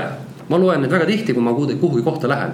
ma olen nüüd viimastel aastatel iga kord, kui ma lähen külastama uut paika, kus ma ei ole kunagi varem käinud. ma otsin üles, kas sellest on minu raamat ja loen selle alati läbi mm. -hmm. ja ma kunagi ei mõtle, et see on selle inimese ja autori nihuke egotripp, eks ole aga mõni võib ka nii mõelda, et aga Kris, miks sa kirjutasid oma raamatu sellest, kuidas Austraalias käisid ja miks sa selle nüüd müüd veel ka. sa oleks pidanud selle endasse jätma. ei, see on hoopis teine teema. Endale kirjutama. kas see võikski olla see, et see on nagu see, et seal jookseb see piir nagu justkui äh, postitamine sellel eesmärgil, et saada tunnustust mm, -hmm. postitamine sellel eesmärgil, et äh, luua mingit väärtust juurde, inspireerida kedagi. tõeline soov mm -hmm. nagu midagi luua, teha et näiteks mina, ma, ma rohkem hindangi sellised, kus inimene kirjutab midagi hästi ausalt ja otse Need on tegelikult jube vähe, need on jube vähe postitusi, kus inimene lihtsalt ei virise, ei, ei ko, öö, kommentaari mingisugust artiklit seal pinnapealselt, vaid ta kirjutab mingi mõtte, mis on sügav. Need on jube vähe mm -hmm. Facebookis, jube vähe, kus inimene kirjutab midagi, mis on tõeliselt väärt lugemist aga võib-olla ei olegi see Facebook sellest mõeldud, ma ei tea, vaata, ma ei oska. tõenäoliselt ei olegi, mulle tundub, et need, mida puhtam on see postitus, mis sa teed, eks ole, mida sügavam see on siis mulle tundub, et seda vähem saab. mitte keegi ei loe seda. keda ei koti. absoluutselt nagu, pane, kassi pilte et nagu nii naljakas on see, mul tuleb meelde üks, äh, üks kogemus siin paar kuud tagasi, kus ma kirjutasin ühele sõbrannale, et aita mind palun koduleheküljega. mul on vaja mingi koodimise, mingi teema teha, ma ise ei oska mm. -hmm. kirjutas mulle, et kuule, sorry, mul ei ole praegu aega, mul on hästi raske periood praegu elus, hästi kiire ajad ja hästi raske, hästi vastik ja la la hakkas alisema. siis on selge, et sorry, ma tülitasin, ma siis saan ise hakkama. kaks tundi hiljem on Instagramis pilt üle, kus ta naeratab, kirjutab life is happy, I m so blessed perse, kellele sa valetad? sa just ütlesid mulle kaks tundi tagasi, et elu on väga raske praegu, jäta mind rahule, Kris, käi perse. ja nüüd sa paned kaks tundi üles pildi, et sul on elu jõus aga noh, ma ütlengi, et tegelikult ma arvan, et siin ei maksa süüdistada neid inimesi, et kuidagi nagu, et nad on rumalad. see on, me oleme, me oleme selle ühiskonna ohvrid, kus me elame. Tegelikult ongi niimoodi vaata, aga me ei saa nagu päriselt äh, välja minna ka sellest maailmast. ma just lugesin teist korda läbi Robin Sharma raamatu, kus peategelaseks on siis Julian Mantle ehk siis munk, kes müüs maha oma Ferrari. kaks korda lugesin. ma, ma olen lugenud need Munga raamatud läbi ja siis ma lugesin uuesti läbi tema selle raamatu, mis mul oli ka just ja, ja kuigi mul oli see veel enam-vähem eraldi meeles, siis ta seal ju ka noh, seal on nagu vaata, see on väga vastuoluline sõnum, mida on raske täita. Noh, see nii-öelda munk ütleb ju seda, et Ferrari omamine, ilusate asjade omamine ei ole ju patt. see on just vastupidi, see on äge, sa ei pea sellest loobuma. aga kuidas teha niimoodi, et see ei ole eesmärk omaette mm. -hmm. ja see on see oskus, mida meil inimestena on kõige vähem. ja nüüd, kui ma räägin jälle taas, et ma teen inimbrändi koolitusi, siis see on see koht, kus ma täna olengi jõudnud sellesse faasi et ma, ma püüan anda selle sõnumi, et, et brändimine ei, on, on, on mitu osa, on see väline kuvand, mida me näeme, vaata, eks ole, see on see, kuidas sa riides käid, kuidas su soeng on. kas sul on mingid tunt-, äratuntavad elemendid, eks, mis ehteid sa kannad. Mm, see on see väline pool, eks ole. nüüd siis natuke see järgmine tasand on see, et, et mis ametiala inimene sa oled, eks ole, mis tööd sa teed mm,. Äh, mis hobid sul on mis, kui sa reisimas käid ja siis on veel sügavam pool on see, kes sa nagu tegelikult oled, miks sa seda kõike teed. Kas see on nagu sellesama mungale, et see on lihtsalt äge, ma teen seda ja kogemata kombel on võimalus Ferrari'ga sõita. või see on tegelikult sinu sisemine soov, et minu elu eesmärk oligi omada Ferrari't ja kõik, mis ma teen, kannab seda eesmärki mm. -hmm. et see on väga suur oskus ja väga suur kunst ja sellega tegelemine on, ma arvan, noh, ütleme, ma ei oska kõigi inimeste poolt öelda, aga ma arvan, et väga paljude jaoks kui nad üldse viitsivad tegeleda, siis selline töö, et iga jumala päev pead mõtlema selle peale. ja ma olen tead avastanud ka sellist asja, et, et äh, vaata see võrdlemine, see on üks nagu mulle meeldivad äh, tsitaadid ja, ja ma ise olen ka ühe tsitaadi, no ma ei tea, kas ma nüüd päris autor olen, aga see tsitaat on väga lihtne, mida ma ütlen, et kogu meie elu seisneb võrdlemises. ja kui võrdlemist ei oleks, siis poleks mingit elu arengut ka.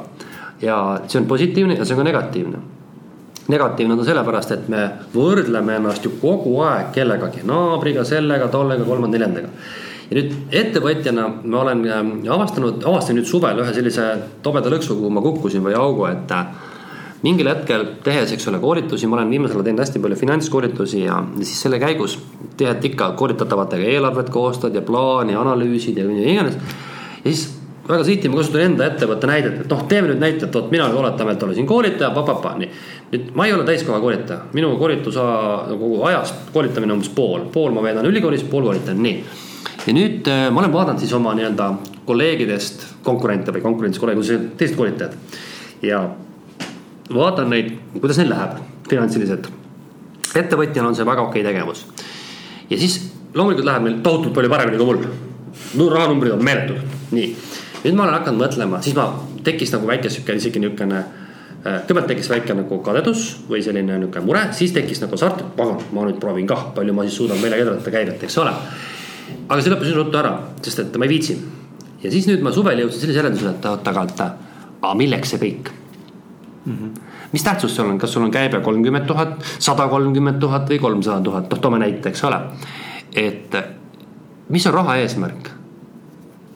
oskate öelda, kuidas te või küsime niimoodi, kuidas inimene mõõdab äh, oma siis sellist heaolu. jätame hingelise heaolu kõrvale, ütleme, et ütleme, et, et kuidas sa mõõdad, kas sul, kas sa, kas sa oled edukas või mitte tavaliselt? minu verstapost täna, kui maine raha ja, ja heaolu korraga, siis on valikvabadus. nii, aga noh, tavainimene mõõdab rahas, on ju niimoodi me räägitakse keskmine palk on ju kõik mm. palgad, papapaa, inimene mõõdab seda, noh, palju sa palka saad, eks ole, umbes niimoodi. ta sisestab oma palganumbri, vaatab, näe, nii palju, nii palju inimesi on rikkamad, on olemas siukesed ju veebisaidid, et how rich you are on ju, sa võid vaadata, on ju, nii äge on vaadata, et sinust on ainult äh,, ma ei tea, nii palju protsenti veel rikkamaid inimesi maailmas, eks ole. nii, aga mida tegelikult inimene tahab selle rahaga teeb? Ta ostab selle raha eest endale mingit äh, elamust, on ju nii mm. -hmm. mõni ostab asju, mõni, sina käid reisimas näiteks või head toitu või ma ei tea, mida veel, on ju. ja nüüd ma mõtlesingi, et aga oot-oot, mis, mis point seal on, et on siis kolmkümmend tuhat või sada kolmkümmend tuhat see käib, et so what. et eesmärk on, raha peab andma mulle vabaduse ma ei võta seda hauda kaasa, mul on piisavalt äh, mingeid ressursse varandust, et elada ka vana, vanaduspäevil ja ja, ja kuidagi ma ei, raha ei pea olema mul iga päev see eesmärk, eks ole ju mm. -hmm. et see edu kriteerium tegelikult äh, on rahas nii kuramuse nõme ja nii pinnapealne ja tekitabki sellise, tegelikult kui sa ettevõtjana hakkad ainult seda raha teenima, siis sa teed hästi palju ebameeldivaid asju, on ju ja, ja mulle meeldis, kuidas Peep Vaim kunagi ju tegelikult äh, ütleski, et, et, et probleem on selles, et see firma, mis tal oli, see kasvas nii suureks, et see koolitamise fun kadus ju ära mm. -hmm. sellest sai mingi äri, ma ei mäleta, ma töötasin Peep Vainu firmas, see oli äri, lasime nii konveiri peal, eks ole. tegelikult ja, ja Peep ei juhtinud seda firmat, ta ei taha juhtida, ta tahaks tegelikult hoopis teha koolitusi mm. -hmm. ja see ongi see, et äh, ühel hetkel muutub äh, see sinu tegevus, mis oli alguses fun, muutub sul kohustuseks. mõnele inimesele sobib olla sihuke bürokraat ja sihuke ametnik, mõnele meeldib juht, väga hea, ma olen ka juht olnud, enam ei taha kunagi olla. nõme, miks? mingid koosolekud, mingi kellast kellani, ei taha. ma teen neid asju, mis on fun, mis pakub naudingut ja kui ma tean, et ma saan sellest sellise rahalise hüvitise, mis on minule kohane. mis aitab mul elada ära. siis ma ei pea muretsema, mis autoga sõidab teine koolitaja mm. -hmm. või kui palju tema Palisaarel aega veedab või kui suur on tema firma käive, so what tegelikult. Ja vot nüüd, vot see on see ausus, olla see sina ise, öelda neid asju välja et äh, minu edu on näiteks, ma ei tea, kakskümmend tuhat eurot käivet aastas ja ongi kõik, see ongi minu edu mm. -hmm. see on vot ja ma võin olla maailma parim koolitaja selle juures muuseas on ju. ma teen ainult kaks koolitust aastas ja ma teengi. noh, toome näiteks ole ju mm. -hmm. Roger Federer mängib üksikuid tenniseturniire ja ta on maailma parim, on ju. mingi teine vend uhab iga nädal ja ei jõua mitte ühegi pildi peale. ei pea mängima kõiki turniire kaasa, et olla maailma parim. noh, alguses ilmselt peab. ega tegelikult see edu lõpuks noh, kui sa pingutad piisavalt, siis sa jõuad sinna, ega sa esimesest päevast ei saa niimoodi, et sa nüüd sünnid, käid kooli ära ja siis oled kohe kunn, noh, ei saa täna, enne kui sinuga kokku saime, siis Martiniga oligi meil, käisime kiiresti söömas ja oli väike vestlus just sel teemal, et ma tõstatasin küsimuse, mida ma olen endale tõstatanud siin viimased paar kuud lihtsalt elukaaslaga vesteldes ja oma, oma, omaette enda mõttes, mõte, mõtiskledes, et. aga kust tuleb inimeste raha? Nagu ma hakkasin mõtlema selle peale, et noh, palju ma täna ise teenin, eks ole, on ju, seal poolteist tonni panka kätte nii-öelda on ju, praegu küll kõik puhtalt riigi toetusena on ju. enne veidi rohkem koos palgaga. et nagu ma näen isegi selle raha pealt, et tegelikult nagu ei jää nagu niimoodi retsilt üle, et midagi nüüd säästa või otseselt kuskile ilgelt mul kasvab siin kullakuhi on ju. Mhm. ikkagi see läheb kuskile paratamatult on ju, isegi kui ma ei ole väga, olen väga minimalistlik elustiil, et see ikkagi läheb ära, on ju. Mhm. aga mis on nendest inimestest, kes teenivad siin reaalselt minimaalset palka, et no kuidas inimesed hakkama saavad, minu küsimus aeg olnud. Siis ma olengi mõelnud huvitavalt, aga see on nagu see teema, millest inimesed ei taha rääkida kunagi et kui kellelgi nüüd küsida, palju sa teenid, siis see on nagu sihuke, et ma paneks vangi sind ja laseks sind maha. õige, ma olen ka siukseid inimesi kohanud. ära küsi jumala eest, nagu palju ma teenin, mis sinu asi on mm. -hmm. aga nagu, kui mul on sportlik huvi, tõesti huvi nagu, kuidas inimesed hakkama saavad, kui ma ise täna näen, et mul pooleteist tonniga mõnikord ei piisa oma minimalistliku elu juures, siis järelikult, kas ma elan väga valesti, pean hakkama ennast üle, ümber kalkuleerima. või tõesti on see, et inimesed elavadki siis laenude, krediitide üle võimete. Vaata, eks siin on nüüd nii ja naa, et äh, kõigepealt äh, laiem ja selline üldisem vastus on alati see, et, et, et äh, väga tihti ei sõltu sinu elatusstandard mitte sellest, kui palju sa teenid, vaid palju sa kulutad. ka inimene, kes teenib kümme tuhat eurot neto, võib elada kogu aeg rahapuuduses, kui ta millegipärast kulutab liiga palju. ma ei tea, ta on endale ostnud näiteks maailma kõige kallima autoliisingu näiteks ja maksab enamus sellest ära see on nagu sihuke lihtne vastus. nüüd äh, tegelikult äh, ma arvan, et, et kui me nüüd läheme nagu sügavuti, siis probleem on selles või noh, kas probleem, aga see, see tulemus on selline, et ükskõik noh, ütleme isegi mingi sihuke enam-vähem okei elatusstandard, kui sul on pere, nõuab sult kommunaalkulude maksmist, toidu hankimist. rentides või siis. noh, ja, ja eluaseme eest, eks ole, midagi, mingid rõivad, mingid tarbeesemed, eks ole, et see loetelu isegi tänapäeval. ükskõik kui, kui väikese või kõrge sissetulekuga oled, on selline minimaalne valik mm. -hmm ja nüüd tegelikult on nüüd, nüüd on järgmine asi, kui sa võtad, et kui sa teed näiteks oma budget'i ehk siis eelarve ja paned sinna need vältimatud kulud, noh, et elus püsida ja pere toita anda.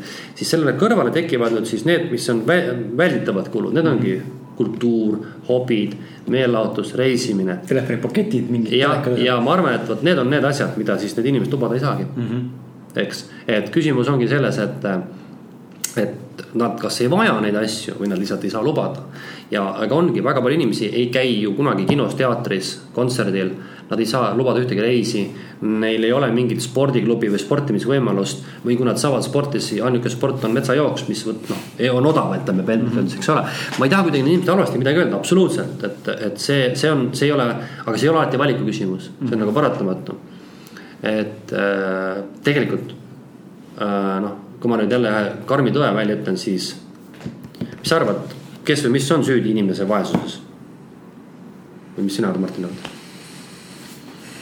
Ma arvan, et äh, esimene vastus, mis pähe tuleb, on see, et äh, inimene ise mm. -hmm. et inimene ei ole end piisavalt harinud, koolitanud, olnud piisavalt äh, hakkaja. ei ole teinud õigeid valikuid. võib-olla, ma ei tea, kui süvitsi, süvitsi minna küsimusega, siis.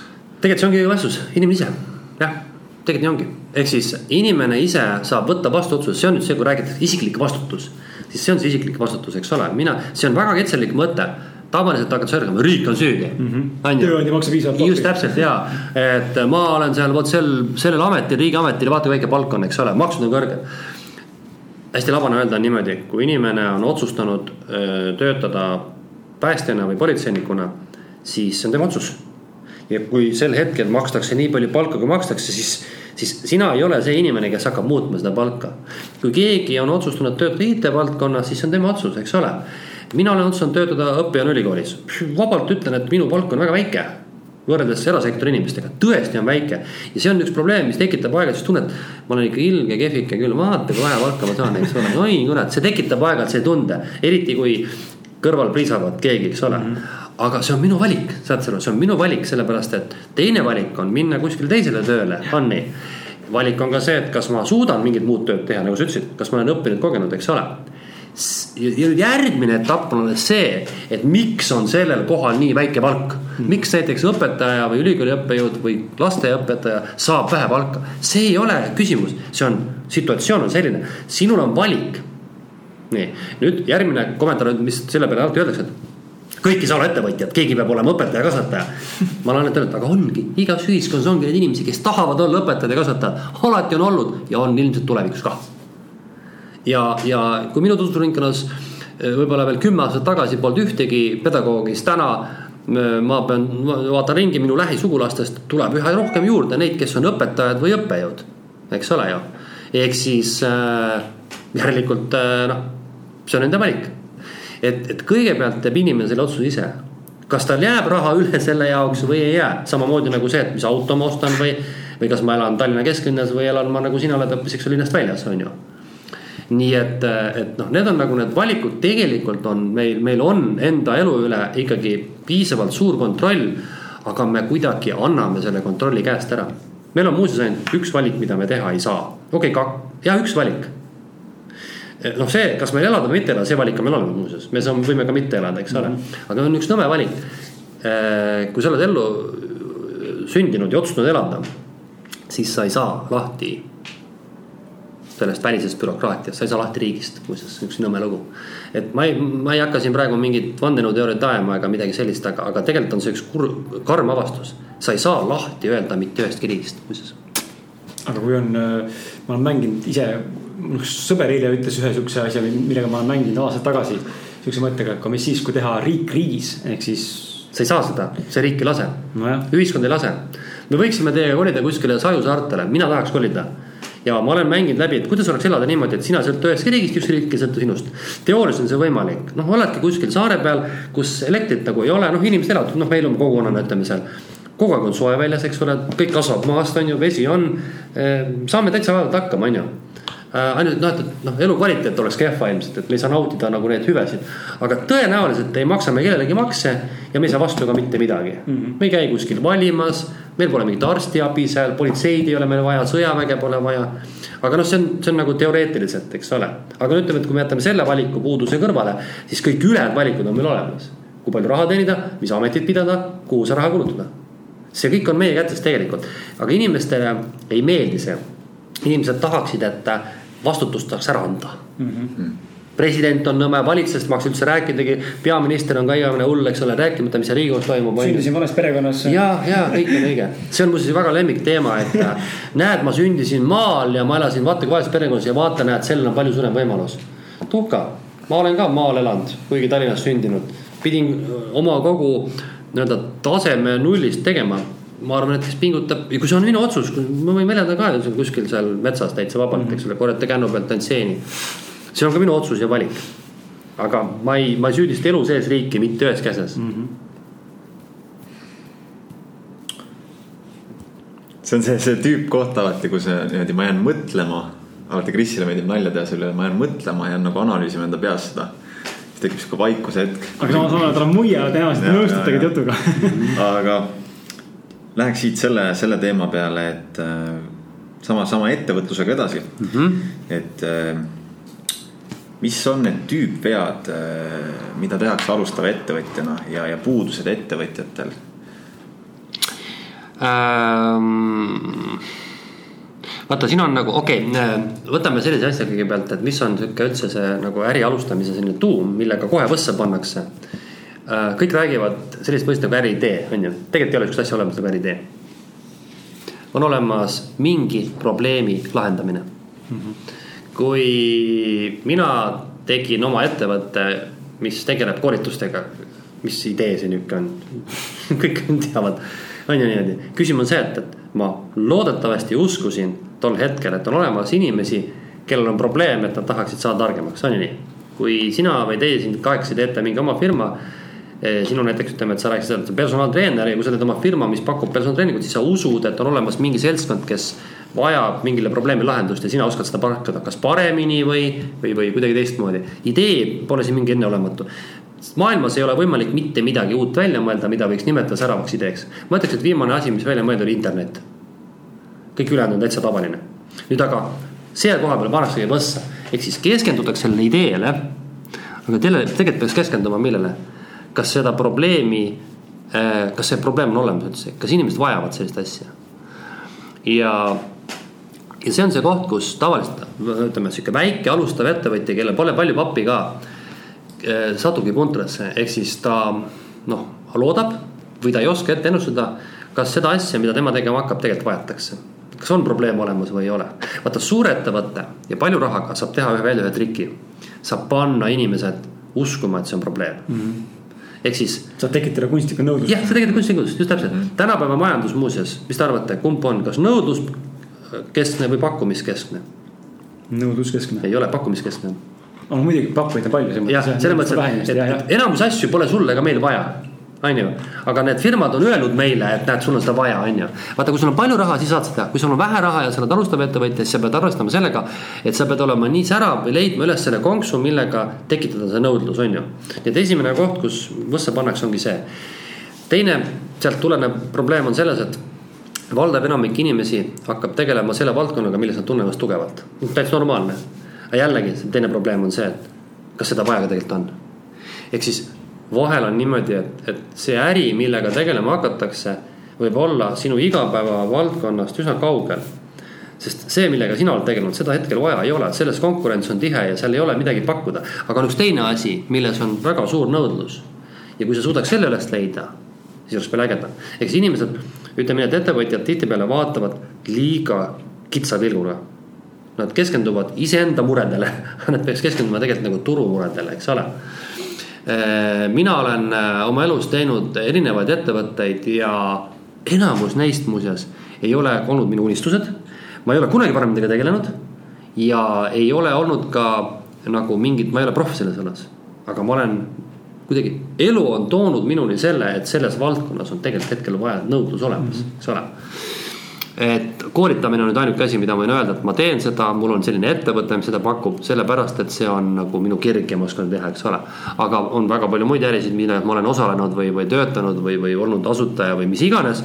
kus ma näen, et, et see tegelikult pole üldse minu valdkond, see ei tähenda, see on üks, ühesõnaga esimene teema ongi see, et ma arvan, et see ebaõnnestumine tuleneb sellest valest nagu fookusest mis tihtipeale on meie enda isiklik jah, jah, jah, jah. meie enda probleemi lahendamine. just, aga tegelikult sa pead vaatama, et kas teised ka tahavad. muidugi jällegi võib alati öelda, et enamus ärisid sünnivad inimese enda mingisugusest nagu probleemist. aga sa pead oskama näha, et kas see probleem on teistel ka, võib-olla on veel kolm inimest, kellel on see probleem, ülejäänutel ei ole see probleem, eks ole äh, üks, üks häda, mida ettevõtjad teevad, on see, et nad jäävad oma ideega üksi ja ega saab teha väga vabalt siukse elustiili ettevõtte, kus üks toimetab, mina toimetan ka üksi, eks ole. tegelikult äh, minu jaoks ongi see nagu sihuke elustiili äri. tegelikult peaks olema tiim taga. tiim on see, mis tagab sulle suurema noh, sellise arvamuste ja teadmiste paljususe ja, ja, ja ressursi ja võimekuse. et äh, kasvõi kaks on juba tiim, eks ole, kolm veel parem et paljud ettevõtjad ei taha nagu omale partnereid võtta, et aa, tead, lähen tülli ja pärast tuleb temaga tulu jagada ja sihuke jama, eks ole tegelikult üksinda, mõelda näiteks, et, et sa tahad teha juuksurisalongi, oled üksinda. siis on selge, et sinu käive on juba ette piiratud, sest palju suuda üksinda juukseid lõigata, eks ole ju. aga kui sa teeksid näiteks salongi, kus on kümme juuksurit, üks hoopis teine asi et see tiimi ja noh, rääkimata siis sellest, et, et ka ideede puudus tekib sul kohe ikka nagu paugust, on ju ma tean, et te tahate küsida selle äriplaani ja selle kohta, siis tegelikult ma ütleks niimoodi, et, et äriplaani puudumine või selle olemasolu ei ole tegelikult takistus äri alustamiseks. see tuleb kasuks, kui sa teed väikse analüüsi ja see tuleb kindlasti kasuks. aga statistika ja uuringud on näidanud, et kui küsida, et kumb tagab suurem edu, kas puusalt tulistamine või tohutu strateegiline planeerimine, siis tulemused on täpselt võrdselt mm. -hmm. et, et ei saa tuua siin nagu sellist erisust meil õpetatakse äriplaani hästi palju tegema ja ega ta ka paha ka ei ole ja tead, ütlen täitsa ausalt, et eks sooritaja saab ka siis tööd, kui ikka õpetatakse, eks ole ju. aga noh, tegelikult äh, võib ka täitsa niisama pihta hakata, eks ole. ja mina olen enamus ärisid alustanud niimoodi. ei mingit äriplaani pole olnud, mitte kunagi. et tulistad puusalt ja, ja vaatad, kuidas läheb, eks ole ju et äh, ja noh, muidugi on ka sellised äh, ettevõtjast sõltumatud faktorid, miks ärid ebaõnnestuvad, nagu näiteks see, et noh, lihtsalt papp saab otsa, on ju lihtsalt ei ole pappi ja sul idee on, kõik näevad, et teostab, aga pappi lihtsalt ei ole, on. teiseks on see, et, et sa võid olla turule tulnud liiga vara mm -hmm. oma asjaga. et äh, turg ei ole valmis seda teenust toodet hetkel ostma. sa oled tegelikult juba nagu avangu ära teinud, aga rohkemaks ressurssi ei jätku. seadusandlus võib muutuda äh, ma ei tea, tekib mingi majanduskriis, noh, palju on selliseid faktoreid, mis ei sõltu sellest ettevõtjast endast. et tegelikult äh, ettevõtja peab arvestama, et tal ongi kaks asja, on need, mis on tema kätes, need võimekused ja, ja, ja kontroll. ja on palju seda, mis ei ole ja noh, tegelikult see otsus tuleks langetada, kumbad riskid on kõrgemad. kui kõrgemad on välised riskid, siis on võib-olla mõttekas hetkel mitte teha, kui kõrgemad on sisemised riskid, siis need on sinu kontrolli all, eks ole, sa pead leidma mingi lahenduse. aga kui sa tead, et noh, et, et seadusandlus muutub iga päev ja tarbijate maitse muutub iga päev. Ja ma ei tea veel, mis iganes muutub iga päev, siis, siis ja see ei ole sinu kontrolli all. siis kas on mõttekas seda teha, eks ole, sest ka suured ettevõtted põruvad. okei okay., küsin teiega. mul oli sihuke natuke isiklikum küsimus no tegelikult jah, eks sa oled ka tegelenud mingil määral. mul oli Foreksi valuutaturu kohta no. küsimus, et mina sind esimest korda nägingi tegelikult siis, see oli mitu-mitu aastat tagasi, kui Kris kutsus mind äh, selle Admiral Marketsi poolt koolitatud. ja, ja mm, -hmm. ja, ja mina tol hetkel enda jaoks üldse ei näinud seda võimalust, mulle tundus see maru igav, maru kuiv. ma üldse ei süvenenud sellesse. nüüd ma olen üksteist kuud õppinud äh, valuutaturul kauplemist. kus läinud on? kaotanud raha no, kaotanud raha, aga, aga väga palju õppinud ja, ja mõtlesingi, mõtlesingi, mõtlesingi küsida, et mis, mis on võib-olla mõni meie kuulaja ka äh, vaikselt äh, tegeleb sellise teemaga, et mis on, mis on seal nagu need levinumad vead, mida inimesed teevad ja kuidas, kuidas seda, kuidas seda õppida siis nii-öelda efektiivselt et mm, -hmm. et see reaalselt äh, hakkaks ka tulemusi tooma. sama küsimus on tegelikult krüptovaldkonnas üldse investeerimisel. ma, mis, mis on seotud siis graafikute lugemisega või muid. ütleme, vaata äh,, kui me räägime finantsturgudel toimetamisest, siis teeme kaks asja selgeks, üks on investeerimine ja teine on kauplemine. eks investeerimine on see, et sa teed seda pikalt, noh pensionis kogud raha või mm, -hmm. või viis aastat paned, eks ole. et seal on nagu natukese teistsugused nagu tegevusprintsiibid yeah.. nüüd kauplemise puhul ja noh, mõnes mõttes ka investeerimise puhul on tegelikult äh, mõned äh, sellised olulised asjad, mida ma olen ikka aeg-ajalt nagu meelde tuletanud ja mis ma iseendalegi pean aeg-ajalt meelde tuletama. et äh, inimest paneb kõige rohkem muretsema kaks asja, see on, eks ole, see, et, et, et tahaks hästi palju raha teenida, aga kardan seda kõike kaotada, ehk siis ahnus ja hirm. ja nüüd mis on nagu see võtmeküsimus tihtipeale, ei ole mitte niivõrd see, et et miks ma nii vähe raha teenisin, vaid et kuidas nagu oma kaotusi piirata. ja, ja siinkohal noh, seda on nagu kõik õpikud täis ja kõik seminarid täis ja ka, ja ka mina olen seda õppinud ja õpetanud ja rakendanud, et. et kui sa nagu äh, mõtled, et millele sa pead rohkem tähelepanu pöörama, siis tähelepanu pead sa pöörama sellele, et sinu investeeringute nagu kadu ehk see nii-öelda see, see miinuspool, see oleks kontrolli all, ära sa kasvu pärast muretse mm, -hmm. eks ole ju. et selleks, et siis kuidasmoodi seda kõike teha, see on juba nüüd tehnilisem pool, et võib-olla ei hakka siin praegu mm -hmm. kuulajate aega niimoodi detailidesse minema, seda peab visuaalselt näitama, aga põhimõtteliselt, et sa mõtled selle peale, et kui palju sa lubad endale kaotust ja sa hoiad sellest kogu aeg kinni see, kas sinu investeeringud kasvavad suuremaks, ära siis selle pärast muretse, mhm. eks ole ju. et noh, sihuke lihtne näide, mida ma võin siit raadio kaudu öelda, on see, et et kui äh, võrrelda, eks ole, algajat kauplejat professionaaliga, siis algajad kauplejad, noh, ütleme, et oletame, et mõlemad teevad nagu nüüd mingi tehingu, näiteks nad näevad, et mingi finantsvara hind hakkab kasvama, ostavad sedasama vara ja nüüd hind hakkabki kasvama. siis mis juhtub ühel hetkel, on see, et see algaja ühel hetkel mingil põhjusel paneb oma tehingu lukku ehk lõpetab tehingu ära. sest ta kardab, et äkki enam ei tõuse kui langeb üldse alla. korduvalt tundnud seda. ja ta tunnetab, et aga ma jään rahast ilma, nüüd professionaal teeb mida? ta teab, et ta võib, see, see nii-öelda tema vara väärtus võib tõusta, võib langeda ja ta rakendab selliseid meetodeid et ta paneb endale kuskile mingid sellised piirid, et isegi kui see hind hakkab nüüd pärast mingit tõusu kukkuma, siis ta ei lase tal kukkuda piisavalt palju, vaid ühel hetkel lihtsalt äh, tehing lõpetatakse ära, ta võtab oma kasumi välja ja ta ei muretse selle pärast, et ah, näe, ma kaotasin praegu vot siin nii palju, eks ole. ma võitsin vot selle määra, on ju. ja sama on ka vastupidi, et kui tehingut tehes hoopis selle nii-öelda vära väärtus hakkab minema vastassuunas siis kaotuse kasvades algaja ei suuda tehingut lõpetada, sellepärast et ta tahab ju raha tagasi teenida mm. -hmm. See meenutab hästi palju sellist kasiino nagu probleemi, kus kaotuse puhul tormatakse kohe uuesti mängima, et seda kaotust tagasi teha. nii et noh, tegelikult peaks nagu muretsema mitte võitude, vaid just kaotuste pärast, on ju. et, et tegelikult investeerimine on, ma ütleks niimoodi, see on kaks nagu asja ja üks on selline nagu oskus õppida, noh, neid samu graafikuid lugema mm, -hmm. uudiseid lugema, eks ole. ma ei tea, majandust, mingeid sündmusi analüüsima, see on sihuke õpitav asi mm. -hmm. et see võtabki aega nagu iga asi, sa pead lihtsalt äh, harjutama, lugema, treenima ja see tuleb. aga nüüd raskem pool on sinu psühholoogia ja selle kontrolli hoidmine. et, et hirm, ahnus kontrolli puudumine, need asjad, vot, vot need on siuksed asjad, mille puhul tegelikult on tore rääkida, aga raske teostada mm. -hmm. mina teen samamoodi, ma olen ka pannud kinni tehinguid ja, ja müünud ära portfelle liiga vara mm -hmm.. selles samas hirmus, et et äkki nüüd hakkab langema, eks ole ju aga ma olen siis püüdnud põhjendada sellega, et aga see oligi praegu minu soov, ma nii palju tahtsingi raha teenida vähemalt, et noh, et kuidagi ennast nagu siis petta aga, aga see on, see on tegelikult see psühholoogiaga on palju raskem toime tulla, kui jah, selle, selle nii-öelda õpitava asjaga mm. -hmm. põhimõtteliselt, kui ma siis näiteks olen, olen nüüd selle riski manageerimise saanud enda jaoks paika, et näiteks kunagi ma ei riski ühes tehingus rohkem Just. kui kolm protsenti oma kogu konto suurusest. see on juba pool võitu. on, on, see on väga õige, see on väga hea lähenemine ja kui sa sellest kinni hoiad, usu mind, see tagab sulle palju parema kindlustunde sest et kui sa iga kord hakkad mõtlema, kuidas ma seekord teen või kuidas ei tee, siis sedapidi sul nagu ei teki sellist strateegiat, iga, igal, igal äh, investeerimistehingul peab olema strateegia mm. -hmm. ja strateegia on ka see näide, mis sa praegu ütlesid, et sa paned oma kaotusele piiri. nüüd, kui see mingil ajal jooksul ei toimi, siis sa pead midagi muutma mm, -hmm. aga hoia mingi strateegiast kinni mm, -hmm. isegi kui see on teise inimese jaoks lollakas või, või kuidagi täiesti erinev näiteks Krisi omast, pole tähtis.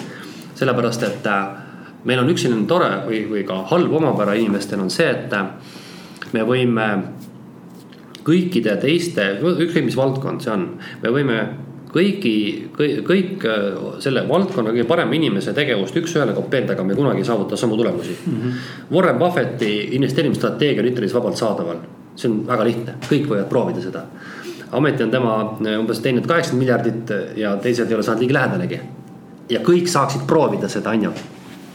Nii et äh, selles mõttes sinu strateegia on sinu strateegia et, äh, et kui sa teed oma strateegia, proovi seda vähemalt, noh, kui ei tööta, no siis ei tööta, siis teed midagi ringi, on ju. Mhm. hüppaks äh, teemaga korra tagasi sellesse eneseanalüüsi ja, ja sellise eneseteostuse juurde, ma ühendan kaks küsimust, et siin on. sa oled öelnud, ma nägin seda sinu koolituse ettevõtte all oli kirjas, et sa jagasid Alar Ojastu saadet Hakkame tegutsema podcast'i mm. -hmm. sa kirjutasid, et tühisus, võltslikkus ja pinnapealsus vaatab igapäevaselt vastu igast nurgast ja ma küsiks siis, mida sa oskad omalt poolt pakkuda, et seda probleemi lahendada. ja teiseks ma ühendaks selle küsimusega, et mis on sinu jaoks mõtlemisjulgus ja miks inimesed võiksid seda enda jaoks rohkem arendada? no ma natukese puudusin ka seda, eks see on see nagu julge olla ise, eks ole, et eh, noh, ma tegelikult mõnes mõttes vastasin selle küsimuse laiemalt ära selle koha peal, kus me rääkisime sellest sellest, et noh, jah, ütleme, et sotsiaalmeedia üks näide, aga noh, põhimõte selles, et, et kuningas on nagu avast-, alasti, et inimesed inimesed ei äh, nagu ei julge öelda tõde välja, nüüd aga noh, see on pool asja, tegelikult võiks öelda niimoodi, et. Äh, et tühisuse ja, ja sellise pinnapealsuse taga on noh, see kaks probleemi, üks on see, et noh, tegelikult ei olegi nagu sisu, teadmist ei ole. Aga soov on näidata ennast, kas siis pädeva kompetentsena ja tegelikult ei ole ka mitte soov, vaid inimestele meeldib arvamust avaldada ja kõige õudsemad inimesed on need, kes äh, on väheharitud, kellel ei ole teadmisi, sest nemad ei ole kunagi valmis oma arvamust muutma ega vastaspoole arvamust arvesse võtma mm. -hmm. ja tegelikult äh, mina noh, ütlengi, et see, see tihtipeale kajastubki selles, et me, me arvame igasugu asju, me arvame üsna valesti ja, ja noh, vaata see meie ümber olev aeg sunnib meid selliseks just nimelt selliseks pinnapealseks sellepärast, et nagu aega oleks nagu vähe, vaata on ju, me peame kõiki asju tegema. ja siis me nagu noh, sahmimegi ringi äh,. ma arvan, et mina ka, teie ka ilmselt sahmite vahest ringi rohkem, kui vaja oleks. Ka teiega. just ja siis, ja siis sa tegelikult tunnetadki, et kuna sa ei jõua süveneda kõikidesse asjadesse, siis sa äh, katad nagu need asjad ära mingite asjadega nagu sotsiaalmeedias piltide näitamine või mingite arvamuste avaldamine, omamata tegelikult sügavamat sisu et äh, miks ma ütlen, et see on see kõige õudsem, kui inimene on, on väheharitud ja kui ta hakkab äh, kõvasti sõna võtma. et just see, et noh, noh, see on nagu võimatu on vaielda inimesega, võimatu, sest et tema on kindel, et tema arvamus on õige mm. -hmm. Kui inimene on tark, mõistlik ja saab asjadest aru, siis ta on arv, valmis arvestama ka teise poolega. ta saab aru, miks teine niimoodi mõtleb, ta suudab väidelda, vaielda ja argumenteerida Äh, ja, ja noh, see. ta on valmis aktsepteerima. ja just täpselt ja et, et või et teisel on ka õigus mm -hmm. näiteks omamoodi õigus, eks ole ju. või et ongi arvamuste paljusus. Et, et noh, selgelt äh, inimesed on, on täna äh, pinnapealsed nagu ajastust paratamatult. et kuni võib-olla ütleme mingil hetkel vaata sadu aastat tagasi inimesed lihtsalt rumalad, noh. koolihariduse saanud, noh, ei osanud lugeda, kirjutada, eks ole. siis see oli luksus. täna oskavad kõik lugeda, kirjutada ja võiks olla võimelised omandama informatsiooni küll. koolis käiakse üha rohkem, haridust omandatakse rohkem, aga elutempo on läinud nii kiireks, et ei ole aega süveneda ja ei suudeta süveneda. näiteks vaata kui sa võtad näiteks sotsiaalmeedia, siis äh, noh, sa ise oled vist proovinud videosid teha, eks ole mm. -hmm. kui, kui sa tabasid ära, kui pikk või lühike peaks olema video, et üldse inimene viitsib vaadata, eks ole ju. ja see ongi see, et, et, et täna on juba nii, et kui tekst on nii palju pikem, keegi ei loe. kui video on nii palju pikem, keegi ei vaata, eks ole ju, sest kõigil on jõlult kiire. mis tähendabki seda, et, et me, me tegelikult täna äh, noh oleme, olemegi oma igasugusest suhtlemisest ja meediast ja tarbimisest ja kõigest hästi pinnapealsed ja probleem on ka veel selles, et me näitame seda välja ka veel mm. -hmm. vanasti võib-olla olid inimesed ka pinnapealsed, aga nad ei näidanud seda välja. aga tegelikult muidugi noh, kui sa võtad näiteks lihtsalt, kui palju näiteks inimesed suhtlevad oma sõpradega. kui nad käivad külas üksteisel, kui palju näiteks äh, käiakse sellistel suurtel sünnipäevadel nagu vanasti oli nõukaajal, eks ole. või kui kaua seal ollakse, eks ole, noh midagi taolist siis need, need, neid asju on üha vähem ja vähem ja vähem. ja seda on, seda suht, suhtlemist on küll näha, et see on üha rohkem ainult sellele. ja, ma olen, ma olen, ma võtan aeg-ajalt ette sellised retked, kus ma käin oma sõpru-tuttavaid läbi või, või, või isegi jõuga, teate, see on, see on tõesti jõuga. sa pead võtma telefoni, helistama, et tšau, Jaan või Jüri, kuidas sul läheb, vaata, on ju. sest et ma ei tea, miks, aga ei viitsi või kuidagi, on ju. Niisama läbi Facebooki siin mingeid likee panna, tundub, et noh, sellega on asi tehtud ju, on ju